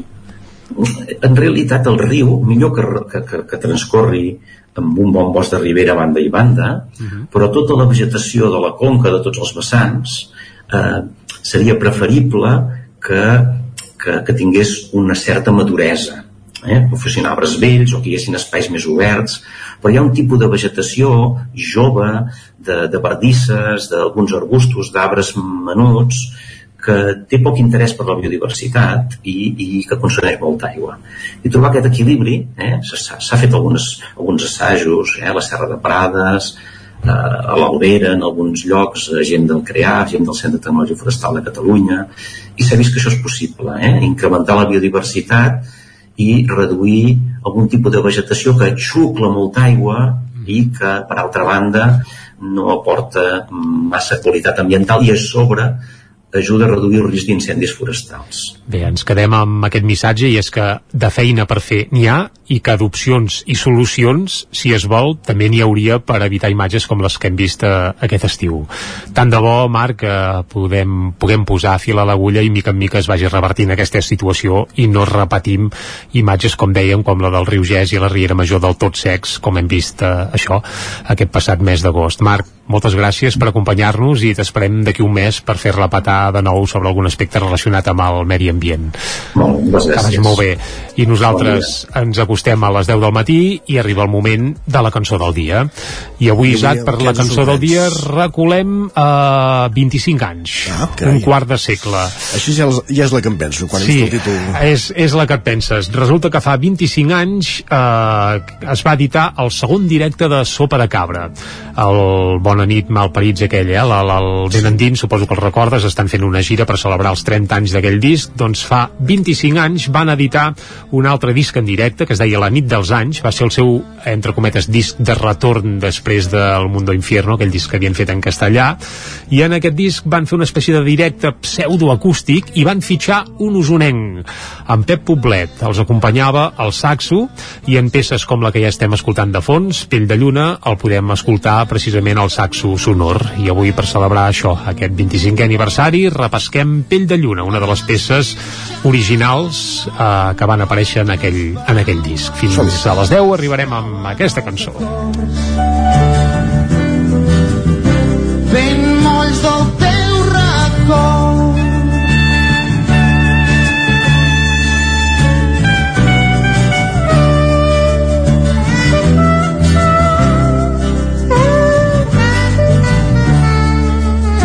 camí no té tornada, cada dia és un tresor. Sense roba i sense ràbia, vestits d'aigua i sol. Cos contra cos confon quan el teu somriure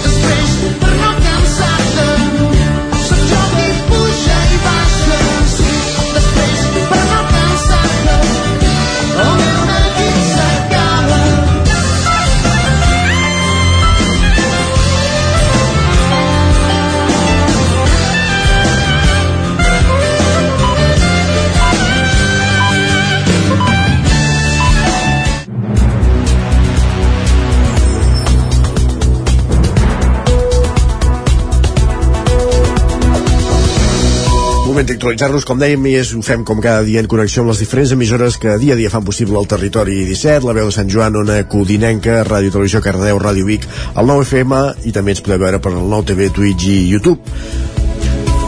Moment de posar-nos al dia de les nostres comarques, el Moianès, el Ripollès, Osona i el Vallès Oriental, i ho fem explicant-vos que el pas del temps ha fet que els pisos dels obrers de la colònia del Palut, Taurís, es degradessin. Fa més de 30 anys que no hi viu ningú i els edificis i sobretot les teulades estan molt deteriorats. Ara una iniciativa privada del nou propietari, net de la família Invern, que havia gestionat la fàbrica durant dècades, invertirà 2 milions d'euros per reformar-los. La voluntat és fer-hi 18 cases i un petit hotel a l'antiga fonda. El temps fa anys que es va aturar a l'interior de les cases de la colònia del Pelut, en terme municipal d'Urís. I eh, restes de paper escardat, làmperes penjades als sostres que hi van viure fa més de 30 anys, contrasten amb els grafits i els forats que hi han fet els que hi han accedit posteriorment. La intenció del nou propietari, vinculat a la família Invert, que va gestionar l'espai durant dècades, és invertir-hi 2 milions d'euros per fer-hi 18 habitatges i un espai d'hostaleria. Escoltem a Joan Invern, el nou propietari del Pelut que és una pena que es pugui caure cap avall. Llavors n'hi ha una part també de de mantindre les coses com eren abans i la segona pues, un tema de promoció immobiliària per treure també un rendiment. Aquest vincle de relació que tinc amb, el, amb la família Invern pues, la vull aconseguir mantindre i tornar-la a fer una mateixa tipus d'activitat i d'esplendor que tenia fa mig segle enrere. La intervenció es farà per fases. Primer es restaurarà la teulada de tot el conjunt i després es començaran a arranjar les primeres quatre cases que tindran uns 150 metres quadrats cadascuna.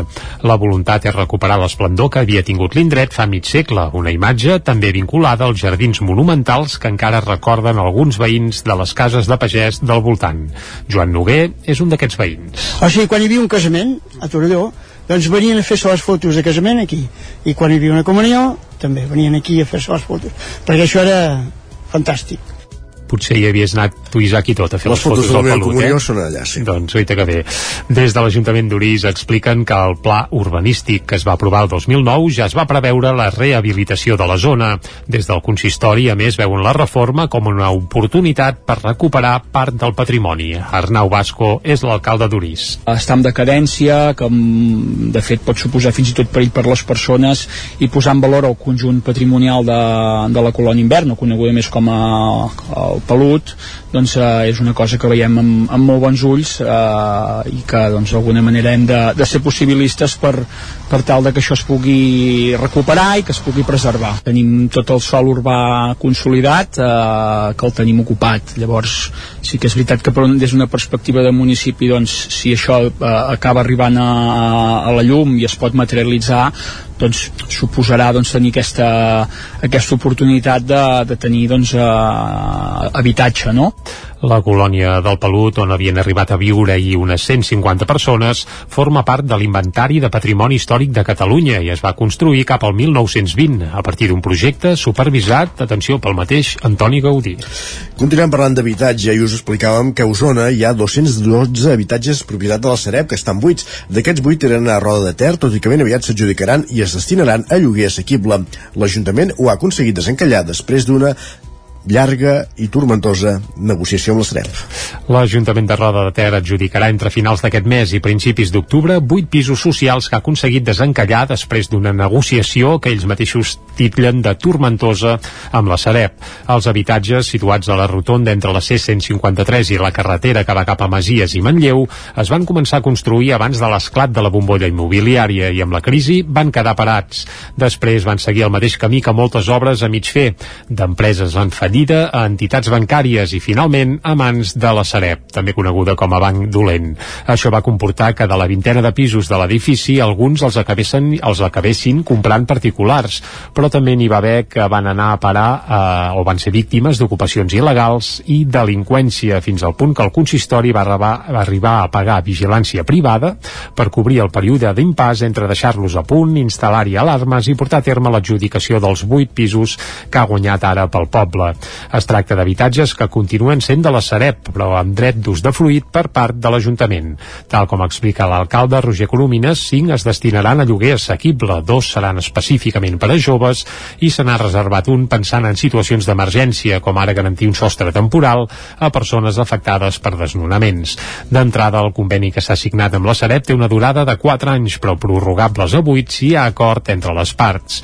Tant en aquest pas com en la redacció de les bases del concurs per trobar llogaters o ara la formalització dels contractes, ha sigut clau el suport de l'Oficina d'Habitatge del Consell Comarcal d'Osona. I és que, de fet, l'Ajuntament ha hagut de superar un camí d'obstacles amb moviments al Senat espanyol inclosos.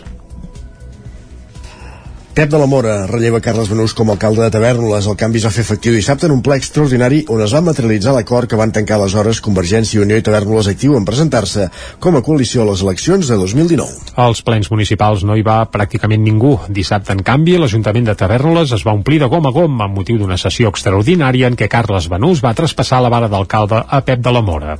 El relleu estava pactat des que Convergència i els independents de Tavernoles Actiu van acordar presentar-se en coalició a les municipals municipals del 2019, és a dir, que no respon a imprevistos ni sorpreses d'última hora, però bé, de tota manera, una seixantena de veïns, amics polítics i família van ser dissabte a Tavernoles per donar la benvinguda de la Mora i acomiadar a Carles Benús, després d'11 anys exercint el càrrec.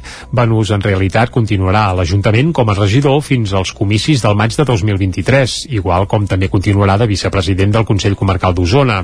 Però aquest dissabte tancava una etapa com a màxim responsable al capdavant del consistori i ho va fer amb un discurs escrit des de la vivència personal.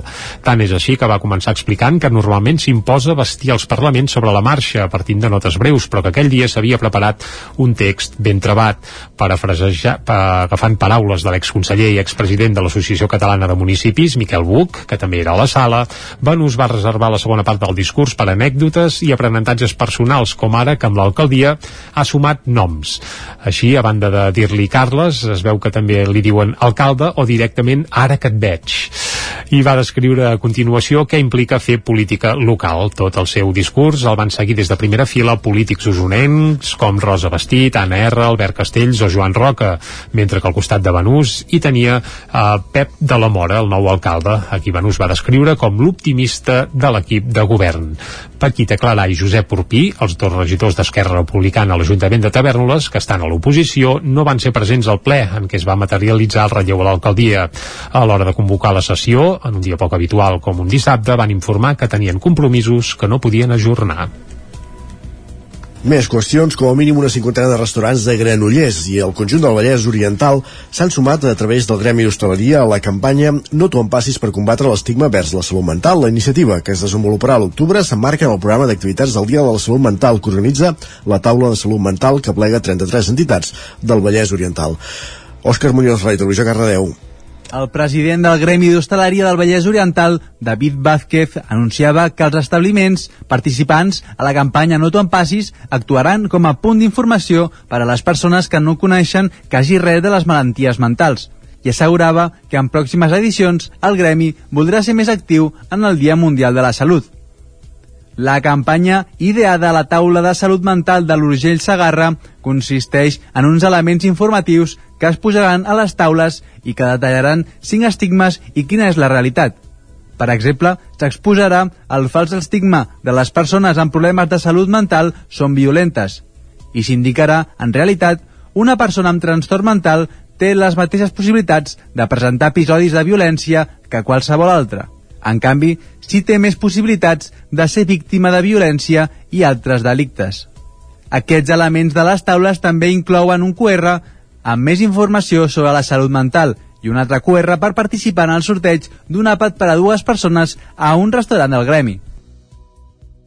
Gràcies, Òscar. Més qüestions. La capella de l'antic hospital Agustí Santa Cruz de Sant Feliu de Codines recupera les misses que era el campàs ona codinenca.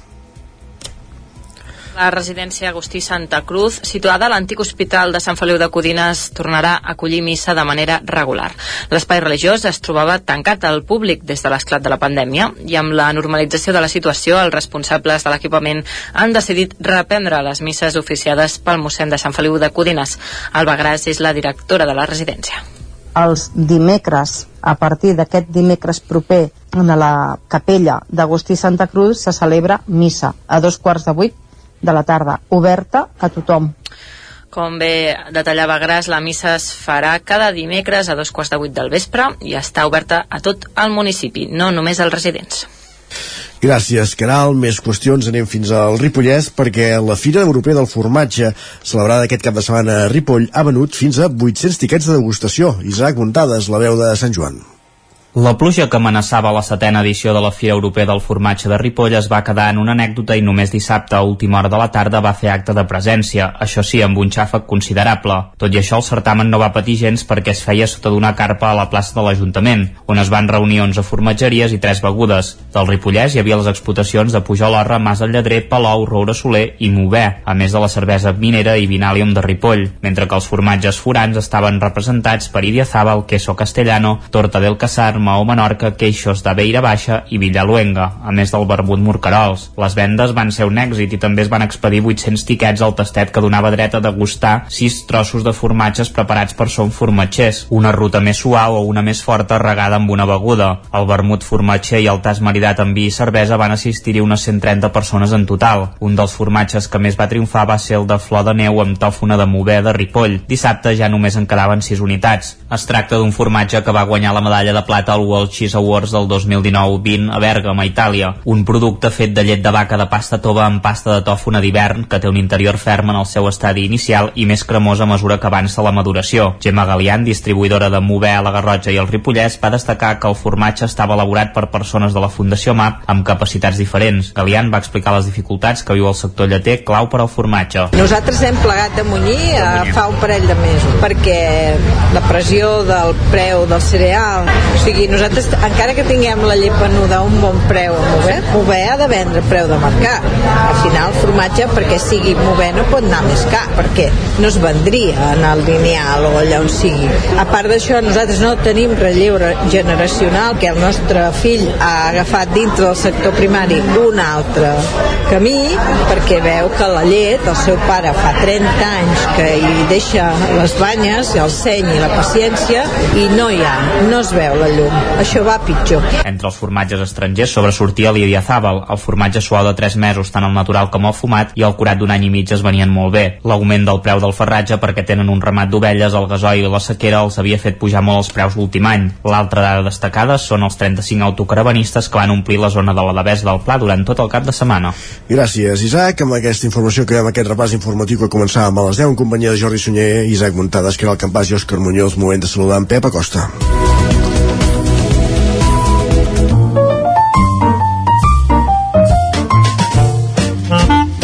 Casa Terradellos us ofereix el temps.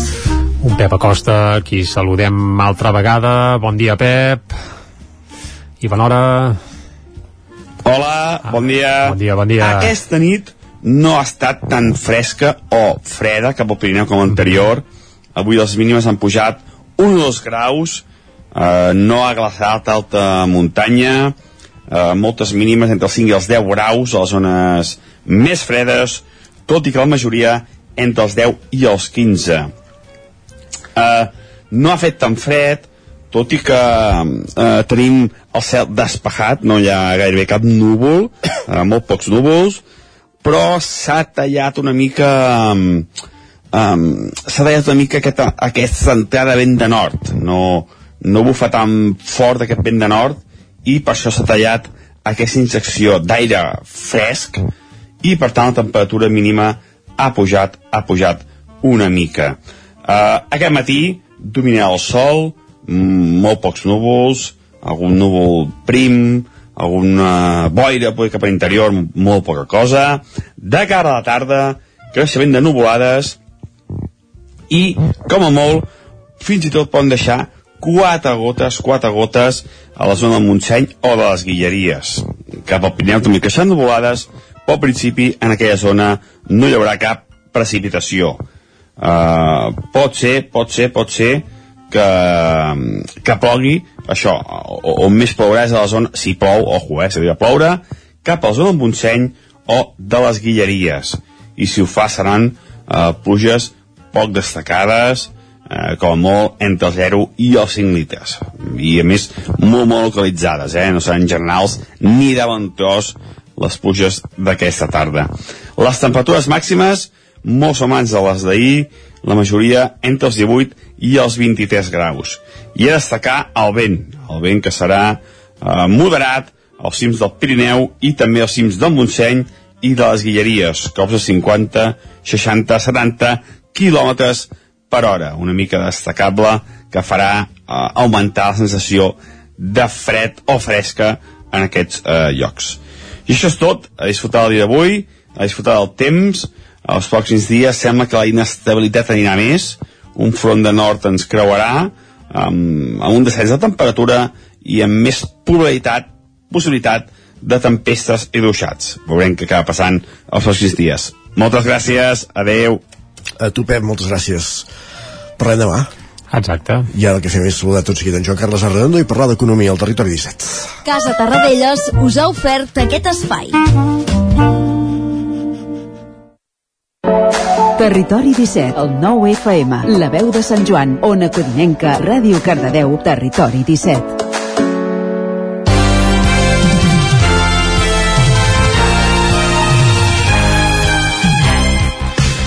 Com cada dimarts a aquesta hora, quan passa un minut i mig d'un quart d'onze, el que fem és parlar d'economia. Ho fem en companyia de Joan Carles Arredondo, el cap d'Economia del 9-9 del Vallès Oriental. Benvingut, bon dia, Joan Carles. Ara sí que ets aquí. Bon dia. Ara sí? Ah, Hola, bon dia. És el que tenen no, tenir mutejat el canal. El que l'hem desmutejat hem, hem sentit perfectament. Uh, escolta'm, no, uh, dèiem a l'inici del programa que l'idea avui era parlar d'aquest impost de patrimoni, de l'impost de societats que, que el president de la comunitat autònoma andalusa anunciava la setmana passada que suprimia i que convidava els catalans a anar-se a empadronar a la seva regió i tot el que ha vingut al darrere. Sí, bé, és eh, política de pati d'escola segurament eh? com, que, com que ho veiem com una mica com política de pati d'escola intentarem fer una mica de context més general eh? per, per, perquè crec que el, el debat no es pot centrar en, si, el, el, en el 20 Passevilla Quillo sí. diguem-ne que és el que en, en el que ha acabat derivant no? perquè el tema de la catalanofòbia diguem-ne que en el mercat eh? Cotitza a l'alça sempre Força, mm, sí. mm, però aquí estem en el fons en el vell debat sobre si s'han si, si de pujar impostos o baixar-los aquest debat que és bastant permanent, gairebé diria que és una, un, un dels, un, una de les qüestions claus que marca l'eix esquerra-dreta, diguem-ne, no? I ara, diguem-ne que està, aquest debat apareix que el regit ja ha augmentat, mm, no, no, no, no és gaire complicat eh, veure el per què, estem en, en, un, en un context d'indicadors que porten a concloure que si la crisi no és un fet ara mateix mm, ho acabarà sent, de fet és bastant probable que es pugui donar per fet que, que estem en una situació de crisi Um, segurament no de recessió encara, eh? tècnicament la recessió són dos semestres seguits de caigudes de, de, de PIB i en això no hi estem, però diguem-ne que um, a les butxaques de la gent sí que es nota. No? Sí. Um, la crisi està motivada per, per ser molt sintètics, en una, per una escalada de preus desconeguda des de fa dècades, eh? 40 anys, um, i per, les receptes per plantar-hi cara en canvi eh? és a dir, el, el diagnòstic està clar però com, quina medicina s'hi posa doncs eh, divideixen és millor baixar impostos i posar més diners a disposició dels ciutadans i les empreses perquè gastin i el consum no es vegi ressentit eh, davant d'un context tan, tan desfavorable. Aquesta és una possibilitat. O pel contrari és millor pujar-los perquè l'Estat mm, estarà necessitat d'atendre les demandes d'un gruix de població desfavorit que anirà creixent. Uh -huh és, aquest debat és una mica un debat de blanc i negre. Eh? es pugen o, o, o es pugen o es baixen eh? ja, i mm, sovint el que passa és que el substrat ideològic pesa més que, que, que les mateixes receptes és sobretot més que el debat ideològic eh, les tradicionals urgències electoralistes eh? que això fa impossible També. que el debat sigui serè en aquests termes el debat eh, que molt probablement siguin universals i estiguin sobre la taula de tots els governs eh, tot això arriba a l'Estat eh, com sempre, eh, molt marcat per, per, per un debat decibèlic, eh, a veure qui crida més el partit de l'oposició reclama fer davant aquesta crisi tot just el contrari del que va fer quan governava eh? quan va entrar al govern 2011 eh, el que va fer va ser desmentir el que havia promès en campanya electoral i apujar-los eh? estàvem en una crisi tremenda, eh, la, la 2008, i mm, es va considerar mm, que era el temps d'aportar més recursos públics no només per la població afectada per la crisi que perdia ocupació i tenia moltíssima necessitat de, de prestacions socials no? sinó també per atendre exigències europees de no incrementar encara més un deute que finalment diguem aquest objectiu de rebaixar el deute no, no es pot dir que s'aconseguís Uh, una pandèmia i una guerra amb efectes globals després, eh? el context és de preus amb forts creixements, mm, doble dígit, um, que és fruit de mancances en les cadenes de subministrament i de pujades desorbitades dels costos energètics. Mm, estem sent molt sintètics, eh? És previsible, per tant, que tornin a caldre recursos públics per afrontar necessitats de la població sense fer encara més gran un deute públic que bat rècord rere rècord. Si la capacitat d'endeutament està escanyada, el camí és pujar impostos i mm, per no fer-ho mm, amb, amb, amb unes capes de població ja molt afectada per la pujada de, de preus a doble dígit, pertocaria fossin les rendes més altes i dit, dit, dit sigui de passada més patrimoni eh, d'on provingués ni que sigui temporalment aquest esforç addicional. Sembla que les, el camí va per aquí, es vol posar l'impost a les grans fortunes, etc. Eh? Ja més o, me, més o menys això però diguem-ne que la successió lògica de fets em sembla portar cap aquí. Però vet aquí que el substrat ideològic i les urgències electorals influeixen en les anàlisis i aquell partit que quan governava pujava impostos sí. eh, i, ho va fer tothom perquè el 2011 entre altres coses va pujar l'IVA eh, que això agrava tothom amb independència de la riquesa, de la renda del patrimoni eh? estàs parlant del PP eh?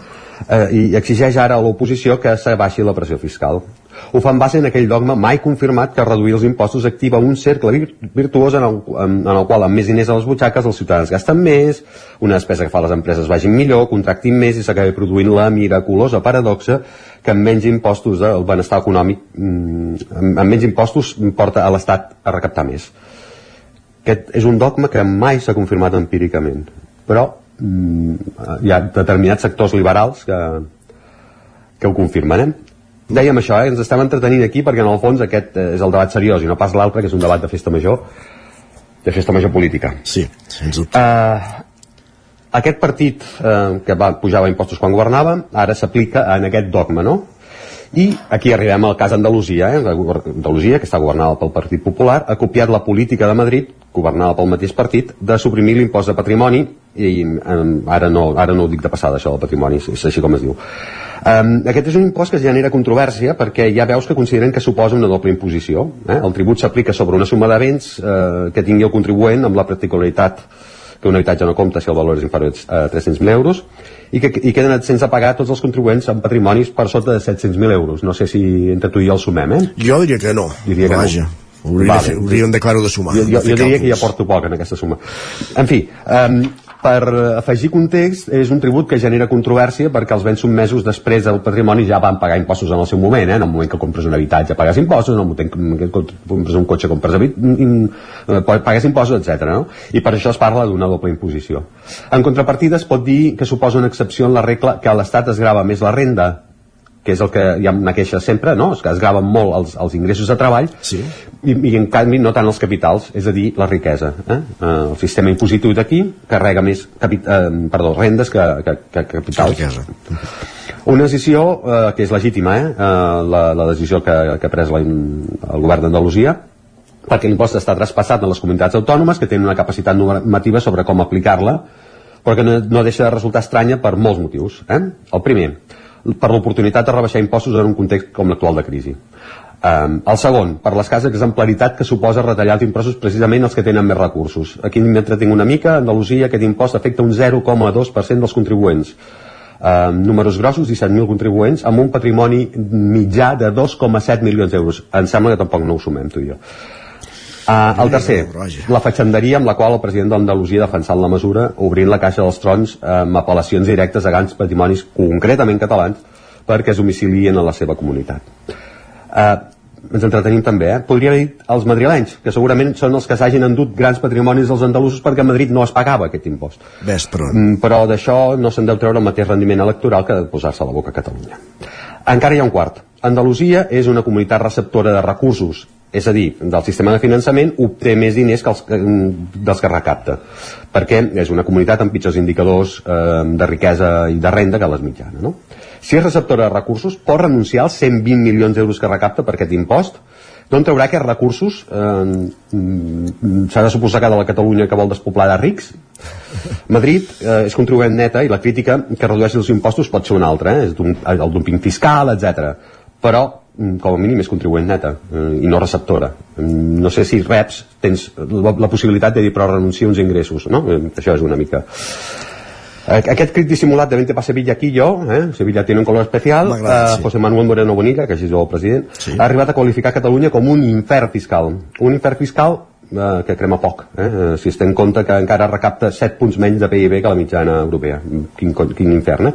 eh? Un infern que es deu contraposar al paradís fiscal en el qual deu somiar convertir la seva terra.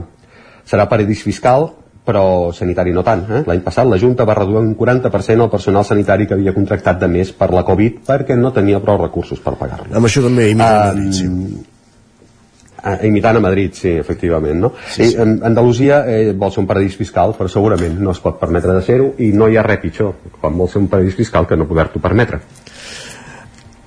I el que m'agradaria saber si realment hi ha algú que s'hagi sentit temptat per la crida i anar-se'n a, a domiciliar a Andalusia, però això seria figues una altra que- manera.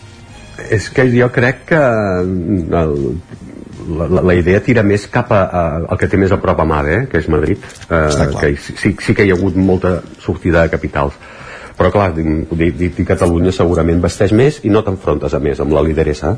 Correcte, això també, mm, a, vegades, a, a vegades les decisions econòmiques són molt polítiques. S'ha de tenir en compte. Joan Carles Arredondo, moltíssimes gràcies. Gràcies a vosaltres. Fins la setmana que ve. Adéu-siau. I amb economia arribem a, a la pausa just abans d'encarar la recta final del programa. 3 minutets i tornarem tot seguit amb la resta de continguts. Ja ens esperen Guillem Sánchez amb les pilades que ha captat del dia. Repassem digitals i tot seguit el territori i dona avui amb Maria López Clàudia Dinarès i Caral Campàs. Fins ara mateix. El nou FM, la ràdio de casa, al 92.8. Centre Auditiu Aural. Som al carrer Jacint Verdaguer 17 de Vic. Telèfon 93 883 59 79. Aural Vic, el camí cap a la millor audició i el benestar. A Deportec estem especialitzats en el tractament d'aigües residuals i el tractament de purins. Donem un servei integral en el tractament de l'aigua, oferint el disseny de la línia hidràulica, reparacions i manteniment, analítiques, formulació i subministrament de productes químics. Ara a Deportec et podem ajudar a obtenir un gran estalvi energètic en la deshidratació de fangs, oferint-te un sistema innovador, el Depordisc. Deportec, ens trobaràs al carrer de la Fusteria 22, al polígon de les Gaules, a Tona. Cobertes serveis funeraris. Els nostres tanatoris estan ubicats en els nuclis urbans més poblats de la comarca d'Osona per oferir un millor servei. Tanatori de Vic, Tanatori de Manlleu, Tanatori de Centelles i Tanatori de Roda de Ter. Sabem que són moments difícils i per això el nostre compromís és atendre-us en tot moment amb un tracte humà, sensible i respectuós. Cobertes serveis funeraris. Telèfon 24 hores 93 883 23 46. Amb Pradell estalvio energia i cuido la meva butxaca i el medi ambient. Posa't en mans a Pradell, són experts en calderes de gas i condensació, estufes de pèl·let, energia solar, terres radiants i geotèrmia. Pradell instal·la calderes de biomassa per a particulars i per a empreses. Si vols estalviar un 50% en consum, contacta amb Pradell i passa't a les energies renovables. Pradell som a l'Avinguda Països Catalans 27 de Vic. Telèfon 93 885 1197. Pradell.cat. El diumenge 9 d'octubre tornen els bolets a ceba. 24a edició de la Festa del Bolet, una de les fires de referència pel sector boletaire a Catalunya. Hi trobaràs les tradicionals parades de productes relacionats amb els bolets, testets i exposicions, activitats i actuacions i l'esperat concurs de bolets. Vine a la 24a Festa del Bolet de Ceba. Més informació a ceba.cat. Cocodril Club. Si t'agrada la bona música dels anys 60, 70 i 80, escolta el 9 FM els matins de dissabtes i diumenges d'11 a 1. És el temps del Cocodril Club, tot un clàssic de la ràdio, amb les bases del pop-rock, les llegendes, les cançons que s'han convertit en autèntics himnes. Recorda, dissabtes i diumenges al matí, d'11 a 1, al 9 FM 92.8. Cocodril Club, el programa revival de l'Albert Malla. Hasta El 9 FM, la ràdio de casa, al 92.8.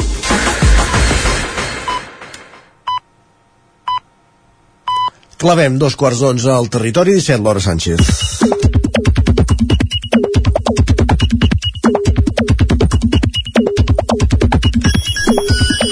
Vinga, si és l'hora Sánchez... Abans d'entrar a l'hora Sánchez, però deixem donar un apunt d'última hora. D'última hora tampoc, eh? Bàsicament perquè se'ns havia passat per alt. Avui informa el punt avui eh, que l'agressor de, del, l'autor del crim de Ripoll de, la, de, de Can de Bànol de la setmana passada va ingressar a la presó de Figueres dissabte per ordre del jutge i el mateix cap de setmana ja va ser agredit al pati de la presó. En fi, ben, una bona benvinguda també pel, pel personatge de la presó de Figueres. Bé, cal dir que és un fet entre cometes, eh, relativament habitual que padrastres i malfactors com aquest doncs, rebin, quan bé, es prenguin la justícia pel seu compte a les presons, però bé, eh, ho lamentem, evidentment, eh, amb això no s'arregla res. Però vaja, fet aquest apunt, anem a capbussar-nos a les piulades com cada dia amb en Guillem Sánchez, que ja el tenim aquí. Guillem, salut i molt bon dia. Molt bon dia, què tal? Uh, nosaltres bé, vos també. Potser amb una mica de fred i per això m'he sentit molt identificat amb el tuit que ha fet en Marc avui. Pensava que volies dir amb, el meu, amb el meu nas, però No, no. diu pantaló curt i dessuadora amb caputxa, l'outfit oficial dels que tenim la síndrome de Peter Pan. O, això és tu, que anava sempre amb la dessuadora aquella Per vermella. això, per això, encara l'hem de treure. Encara l'hem de... Ah, Vas amb calça curta, Guillem, per Vaig cert, que és que no ho veiem. sí. Sí, sí, Val, amb calça Guillem curta. encara, jo ja me l'he posat llarga. Fins al 25 de novembre calça curta. Què sempre. dius? Sí, home, sí. 25 de novembre. O potser una mica abans aquest any. és que anava, ens, ens ho apuntarem i passarem comptes, eh? Perquè... Ai, L'Adrià ens fa un recordatori important que no hem de perdre de vista. Diu, després de l'estiu de M que hem passat, com algú digui que fa massa fred o qualsevol cosa així, el cremo viu. Què fa? Menys 3 graus? Diu, fa bo i punt. Sí, sí, fa, ara- el, fa, fa el temps que ha de fer, que diria en Pepa Costa. I ara ens en recordem que vam passar un estiu una mica, una mica d'orillo, una mica d'orillo, diguem així. Home, n'hem parlat, eh, n'hem parlat amb el Marc Ordeig fa una estona, amb rius secs i bé, una sequera que encara dura, per cert, Correcte, eh? És que sí, clar, sí. ha plogut ja- una mica, sembla que tot és Però no, no, fantàstic, Si no ens però... queixem del temps, què faríem ja? Correcte. Home, és que, exacte, això també és un clàssic. I l'Ada ho té molt clar, diu, l'inici del fred només pot voler dir una cosa, cacaulat calent. Ostres, quin, quin gust, quin gust. Tu ets de cacaulat calent, també. Jo sóc de cacaulat de totes maneres. Ah. Fred, fred a l'estiu i calent a, a l'hivern. I, segons l'Oriol, també vol dir, diu, primer caldo fet i primeres mandarines comprades de la temporada. Tot i que em Mm. flipa, diu, falta gaire ja per l'estiu? Home, no, s'han de gaudir també d'aquests petits plaers. Home, d'aquesta... veus, la fruita de tardor, jo també és un dels plaers aquests que me l'apunto. I les mandarines, aquestes primeres que tenen aquell puntet d'àcid. Mm. Ah, eh, que... Ai, Jordi, ai, veieu, Jordi, eh? ai, Jordi. Què, eh? I d'aquí quatre dies taronges també de temporada. Per cert, al supermercat ja hi ha torrons i polvorons. Què dius? Bueno, Sí. Això és un altre capítol, ja. Això, és, Sí. això és un altre capítol. L'Isaac més que per la fruita, evidentment, No, no. ja està pels torrons. No, no, eh? Nosaltres aquí... no, no jo, jo també defenso la fruita de temporada i tot plegat, però al supermercat ja hi ha torrons i polvorons. També defensem els torrons de temporada. Va, Sí, aquesta sí, setmana no, no. hem pogut llegir missatges també com el de la Blanca que ens diu Operació fer caldo per primera vegada a la vida en 35 anys en marxa. Ostres, no pot ser que no hagis fet un caldo mai en 35 anys. Perdona, no? i tu?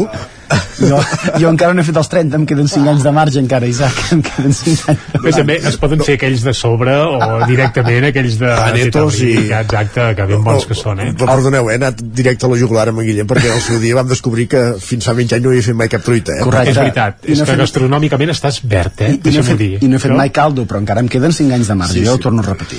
Va, Va, ves. Va, i es veu que un estudi de la Universitat d'Aberdeen diu el següent, diu fer de l'esmorzar l'àpat més important del dia redueix la gana la resta de la jornada i per tant pot ajudar a perdre pes. Home, això, això és tan obvi, clar, si jales fort per esmorzar no tens gaire gana durant bueno, Bueno. la primera part del dia. M'ha agradat molt la reacció de l'Anna que ens diu vaig a fer-me dos ous ferrats i a coure cansalada abans no trobin a cinc persones més i l'estudi els digui tot el contrari. Ai, bé, potser qui ha encarregat l'estudi es dedica a vendre esmorzars o fer-ne. Cada vegada es digue'm qui l'encarrega i et diré quin resultat té un estudi. Perquè de fet en Pau ens diu no ho havia pensat mai, menjar redueix la gana, m'ho apunto. Diu moltes gràcies. Sí, no s'havia vist mai, eh? és veritat. Fins i tot mandarines, eh? O taronges. I torrons, hi podríem afegir encara. Doncs va, passem ràpidament digitals que Va, Guillem, bon profit, eh? Que vagi bé, bon que vagi profit bé. i moltes gràcies. Cop d'ull als titulars del 99.cat, ara mateix a l'edició d'Osona i el Ripollès, eh, obre explicant que Balanyà inaugura el nou Institut Escola, estrenat ja el curs passat. Recordem que la inauguració es va fer divendres passat. També hi apareix que l'autòpsia de la noia del crim de Camp de Bànol confirma una mort cruel i amb agressió sexual i també campanya Torelló per recaptar diners per restaurar l'escolanet de Roca Pradera. Anem cap al Vallès Oriental, on ara mateix s'obre explicant que Granollers presenta la reforma de l'Avinguda Sant Esteve als fons Next Generation, que pagui Europa, i que més de 900 persones van anar a la caminada nocturna de Gallecs a Mollet. I també parlant de Mollet, Mollet crea un refugi climàtic al pati de l'escola Joan Salvat Papaseit. Gràcies, Jordi. Com dèiem, tot seguit del territori dona. Vinga, vinga. Territori 17 El 9 FM, la veu de Sant Joan, Ona Codinenca, Ràdio Cardedeu, Territori 17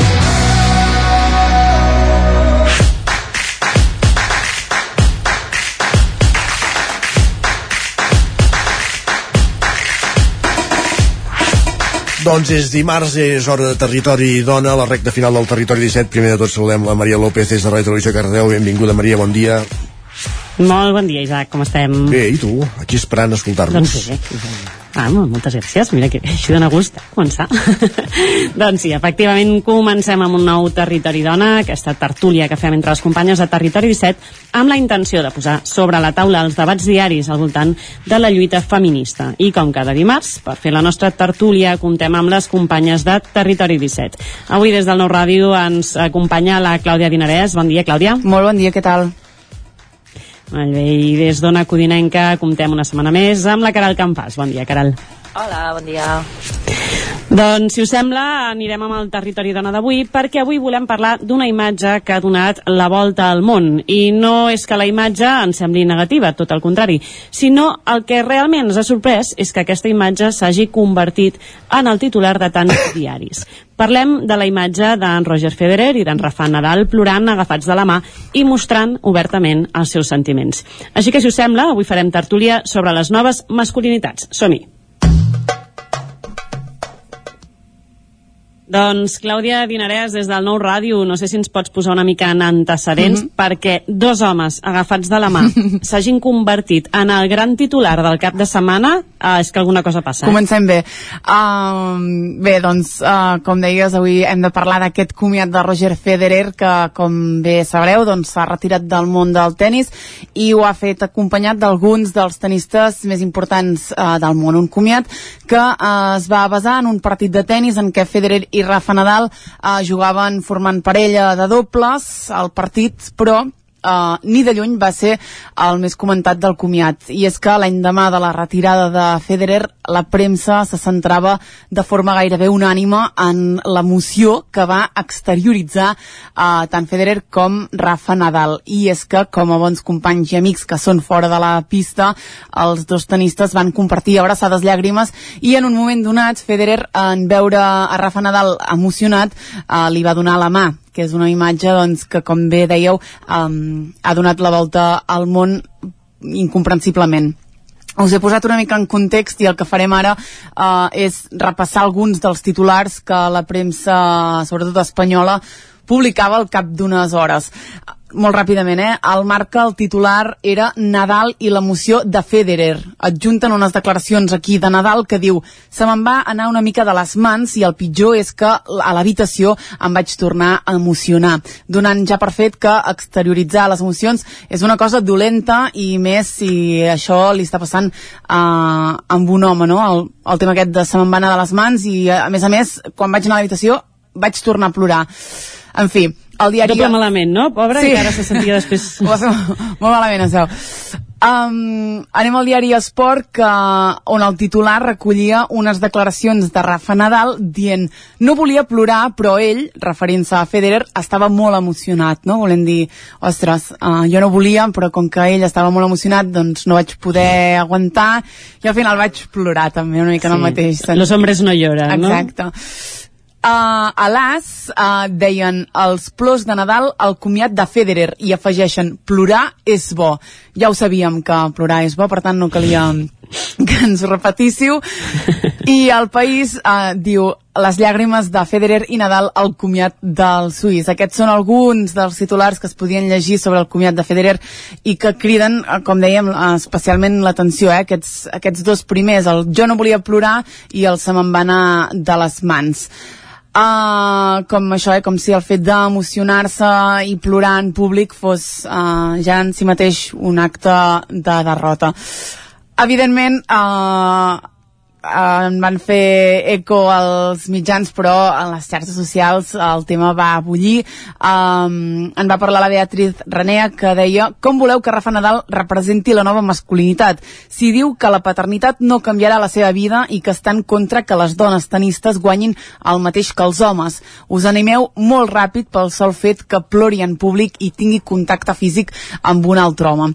I en la mateixa línia, la Maria Fortuny deia si Rafa Nadal, que està en en contra que les tenistes cobrin igual que els homes i que diu que ser pare no afectarà en res la seva carrera, ha de ser un nou model de masculinitat, jo me la tallo i em faig monja. ni més ni menys. Real, real, i a més molt bo que s'hagi recuperat d'alguna manera aquests altres titulars de Rafa Nadal perquè sembla que, que en qüestió d'hores pot eh, esdevenir quasi un heroi del feminisme quan dius, espera't, espera't, tirem de maroteca, eh? Vull dir, alto, no ens emocionem. I és que més aquestes declaracions de que la paternitat no li afectarà ni a la vida professional ni a la personal les va fer fa només uns dies quan se li preguntava sí, sí. per què estava jugant a tennis quan la seva dona eh, era a l'hospital i tampoc fa massa que va dir que ell no creia que les dones tenistes eh, han de cobrar el mateix que, que els homes, cosa que és completament eh, inversemblant, però en fi M'ha encantat el tuit aquest de si, si ha de ser el nou model de masculinitats. Uh, apaga i vamonos, eh? Uh, realment, parlant d'aquests models de, de noves masculinitats, un dels temes que vam treure fa, fa uns mesos aquí a Territori Dona, també parlàvem parlant en el seu moment d'un curs que es feia a Barcelona de noves masculinitats, no? Semblen aquestes bones intencions per part d'alguns homes d'actualitzar-se en, en aquest sentit. Per això jo he volgut també, aprofitant aquesta foto que ha donat la volta al món en 24 hores, eh, parlar, per parlar amb una de les persones, una persona eh, propera a nosaltres, perquè és dinamitzador del casal de joves d'aquí Cardedeu, però que també és formador dins de l'associació Ulleres per Escarrans i que ell ha fet eh, personalment diverses formacions en aquest sentit de noves masculinitats. Llavors, amb aquesta curiositat he volgut parlar amb ell i he fet una, algunes declaracions que m'agradaria ensenyar-vos eh, i principalment, doncs, precisament preguntar-li una mica per si havia vist aquesta foto i què li semblaven els titulars. Això per mala sort encara ens sorprèn. I té una raó de ser i és que ah, els homes que, que vivim aquí a Occident hem estat educats en un tipus de masculinitat que, que òbviament prové d'una cultura patriarcal entre moltes altres coses i llavors doncs en el món encara més esportiu és algo que es maximitza al màxim el fet de reproduir aquest tipus d'home que ens diuen i que hem de ser que, bueno, entre altres coses ens diuen que hem de ser forts, heroics, racionals, i tot això és algo que està allunyadíssim de, de tenir una bona intel·ligència emocional i, entre altres coses, expressar emocions que les puguem relacionar amb la vulnerabilitat, ja sigui la tristesa, ja sigui la por, o qualsevol altre tipus de sí, d'emoció que puguem relacionar-los amb la debilitat, ja que els homes sí que ens han ensenyat a expressar-nos emocionalment, però més des d'una agressivitat o fins i tot doncs, d'expressar de, felicitat. Això, òbviament, està benvingut, però tot el que tingui a veure amb el que nosaltres relacionem culturalment com a femení i com a, per tant, algo més dèbil dintre d'aquest pensament patriarcal és algo que, que ens n'allunyem i, entre altres coses, si ens hi apropem, llavors és quan cauen càstigs a nivell de gènere que solen passar i llavors doncs, que sempre se'ls diu, no? Des d'infants que ploren, ah, nena, ah, marica, i llavors doncs, tot això genera un tipus de pensament i una dinàmica interna de que tu construeixes la teva identitat allunyant-te completament d'expressar aquest tipus d'emoció que van fer-ho aquests dos tenistes. I la veritat és que és pèssim, perquè persones que tinguin aquest tipus d'influència i que siguin tan referents per tantíssimes persones en aquest món el que haurien de fer-ho és això amb molt, molt, molt, molta més normalitat i, i òbviament incorporant amb la responsabilitat que tenen a nivell de visibilitat doncs una perspectiva diferent que no sigui la clàssica que ja sabem que no ens porta enlloc. Sembla ser que en el món de l'esport tot el que sigui expressar les emocions quan parlem de guanyar o perdre està bé plorar si acabes d'aixecar o aconseguir una medalla d'or, no?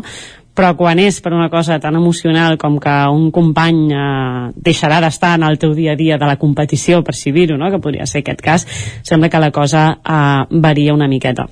Una de les coses que també m'ha explicat en alguna ocasió l'Amat és que ell, com a, com a formador, eh, eh, una cosa que havíem parlat ells dins l'associació és que la gent respon d'una manera molt diferent quan qui fa aquesta formació és un home que, de quan és una dona i això que generalment es pressuposa que les persones que s'apunten a una formació de noves masculinitats tenen certa predisposició. Una mica també per curiositat li hem volgut preguntar que com a formador d'aquest tipus de, de cursos si ens podia explicar una mica en què consistien exactament aquests cursos perquè per on comences a deconstruir durant molts anys he estat fent aquests cursos amb temes de... No m'agrada dir noves masculinitats perquè és com dir eh, hi ha noves i velles i si ets una nova masculinitat ja no ets patriarcal. I no m'agrada per ser-ho així, sinó, sinó el fet de treballar la pròpia masculinitat. M'agrada més aquest concepte. I la veritat és que uh, aquests cursos que, que vaig fer anteriorment vaig fer-ne amb, amb homes molt diversos, des de online fins a presencials, fins a un taller puntual, i ara mateix el que, el que m'estic centrant, juntament amb Arol Urbà, que són una cooperativa molt canyera, és a treballar exclusivament amb joves.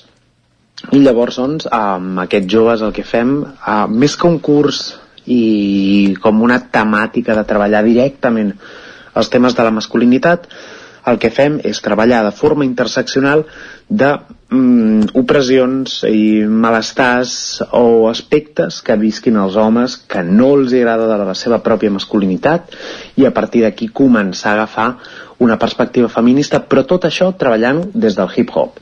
I per tant, doncs, el que acabem és fent uh, beatmaking, el, un videoclip musical i una peça de, de rap, de trap o el que sigui, i tots els continguts que treballem amb temes de masculinitats i feminismes estan immersos en la reflexió que fem amb tot això.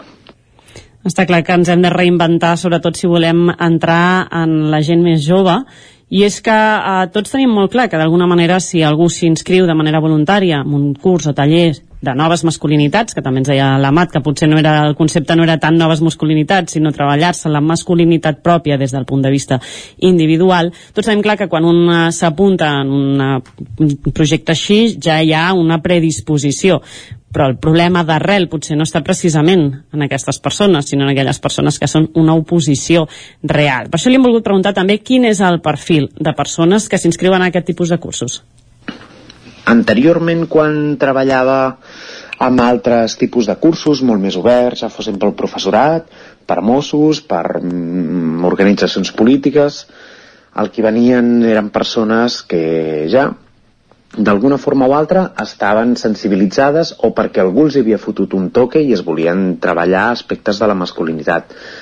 Però ara mateix el que estem potenciant moltíssim és a treballar amb tots aquests homes que, que no hi ha aquesta consciència i aquestes ganes de generar un canvi internament i per això l'ús del hip-hop pot ser algú molt canyero perquè pot apropar persones que diguin ostres, doncs mira, vaig a crear un videoclip i en la creació d'aquest videoclip doncs, eh, apareixen reflexions molt canyeres i és una forma molt més subtil de poder treballar tot això i, i d'arribar a públic que, que si no? Només llavors seria un, sí, una autocomplaença de persones que ja tenen un peu dintre, dintre d'aquest camí de treballar la pròpia masculinitat treballar amb persones que precisament no tenen voluntat de canvi. Aquesta és la, la part que segurament més costa. I amb això hem volgut eh, tancar les preguntes amb la Mat, perquè precisament li hem preguntat ja per acabar quina és l'oposició més gran a que se sol trobar quan fa aquests cursos. Doncs certament hi ha moltíssimes oposicions i s'han d'anar desmuntant internament igual que a mi m'ha passat, no hi ha més.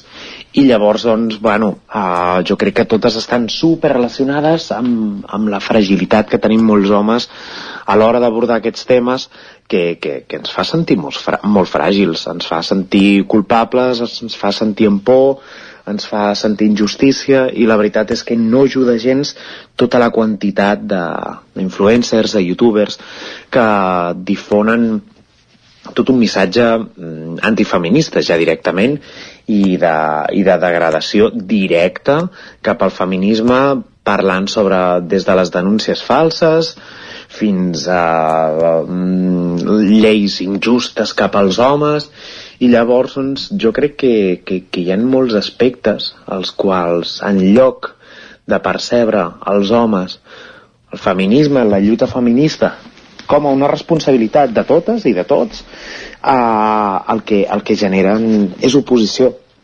És oposició i és com una, una figura de picar-se en lloc de dir, ostres, doncs si hi ha algun aspecte dels feminismes que no està tenint en compte una part de diversitat dintre dels homes o en lloc de sumar, en lloc de proposar, en lloc de generar la meva pròpia lluita, però no des de l'oposició cap al feminisme, el que faig és girar-me de cul com un nen petit, així, i poso entre parèntesis una rebequeria pura i, i em poso de cul. Així que per mi mm, no és una qüestió de convèncer, sinó una qüestió de legitimar aspectes que puguin ser malestars per part de l'altre i dir, vale, doncs en lloc de posar-te a cul, tio, suma't, suma't, no hi ha més, suma't i anem a fer-ho això encara més inclusiu, més canyero. Lluitar contra aquestes oposicions i aquesta mena de rebequeries, per dir-ho d'alguna manera, com feia la comparativa l'Amat, crec que és un del, del, diguéssim, dels grans reptes que tenen totes aquestes formacions i les noves intencions de canvi en les noves masculinitats. Uh, Clàudia Caral, no sé si coneixeu algú que hagi fet una formació en aquest sentit o hagi tingut almenys l'esperit de canvi. Jo no. Directament. Mm, ningú. No em ve ningú al cap, si més no. Jo l'únic que em ve al cap, però jo potser no ho qualificaria o definiria com a taller de noves masculinitats, és que alguns, algunes persones de, del meu entorn sí que m'han explicat que les seves empreses, que podrien ser multinacionals, estic parlant d'empreses grans, sí que han fet alguna mena de tallers interns o reunions només per homes on, on posar certs temes sobre la taula ara bé, no, no, no conec el contingut d'aquestes sessions però sí que són secretes quan havien, no, quan n'havien parlat del tema de, per parlar-ho aquí al Territori Dona sí que em va venir al cap a això, aquestes, aquesta mena de tallers o reunions que, que sí que alguna, alguna persona propera a mi m'havia dit que feien a, a les seves empreses, però tampoc, ja et dic, no sé quins temes concrets parlaven allà.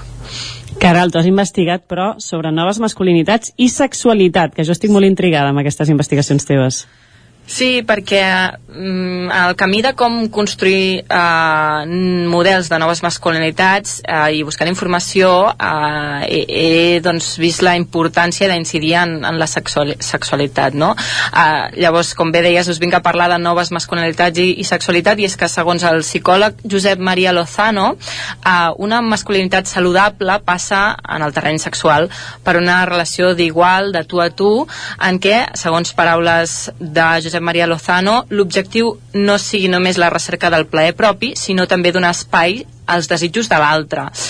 I quin és un dels problemes que fa que això no sigui així? Eh, doncs el psicòleg ho relaciona amb la pornografia mainstream que reprodueix estereotips de gènere i relacions desiguals en què la dona és un simple objecte sexual pel gaudi eh, de l'home. I me'n vaig a una etapa molt concreta de la vida i relacionada també una mica amb el que ens explicava el teu company, Maria, que és l'adolescència. Eh, clar, el patró sexual on s'emmirallen molt joves i pels quals doncs, acaba sent la seva eh, primera font d'educació sexual és el porno. Ningú, ningú els explica que això no és real ni el sexe ha de ser així i llavors es normalitza allò que veuen, no? que, que, és, que és ficció.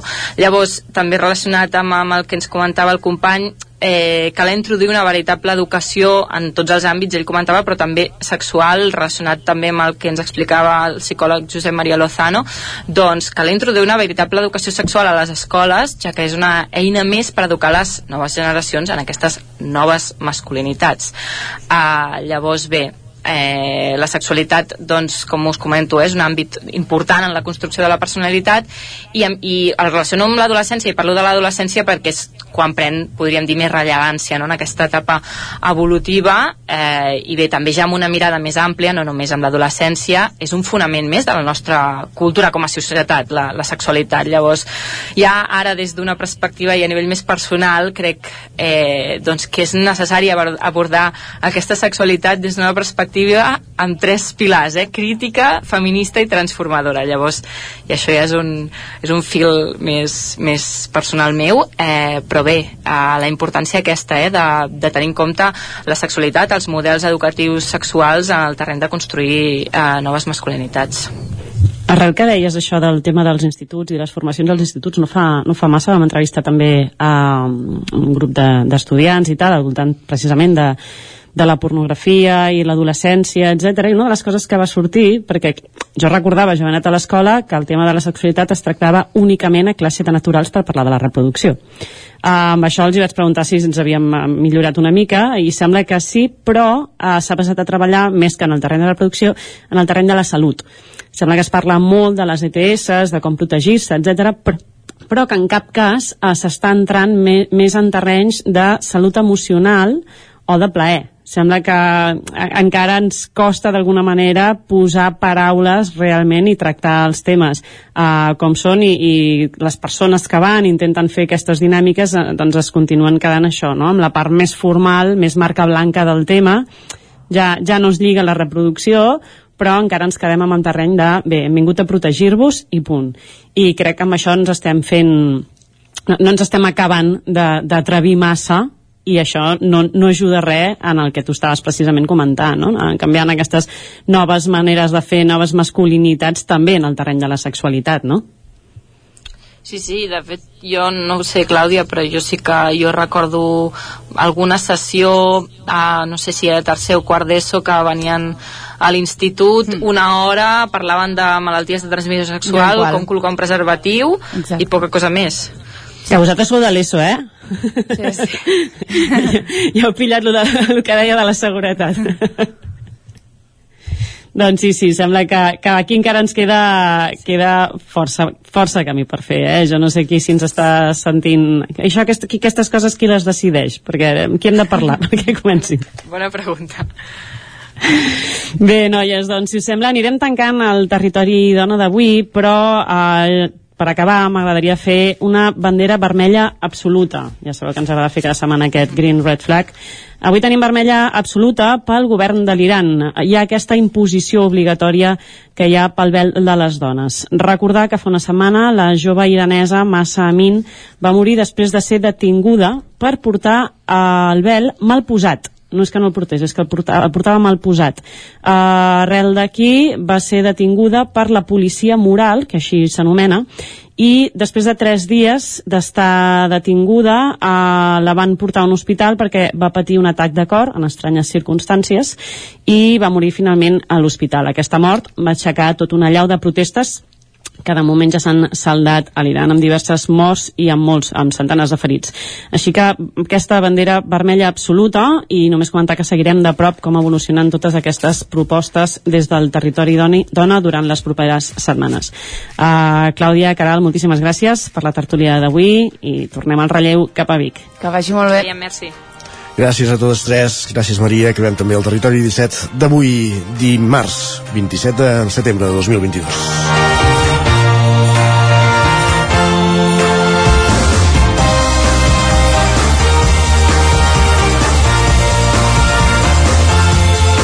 Un programa que començàvem a les 9 del matí en el que hem parlat del Festival Terra Gullut, amb el que hem parlat de sequera i hem acabat amb aquest territori dona també parlant d'economia i de moltes altres qüestions avui al territori 17. Us hem acompanyat des de les 9 del matí Pepa Costa, Isaac Muntades, Marc Ordeix, Òscar Muñoz, Joan Carles Arredondo, Guillem Sánchez, Clàudia Dinarès, Caral Campàs, Maria López, Jordi Sunyer i Isaac Moreno. I tornem demà a partir de les 9. Molt bon dimarts, gràcies per ser-hi, adeu-siau, bon dia.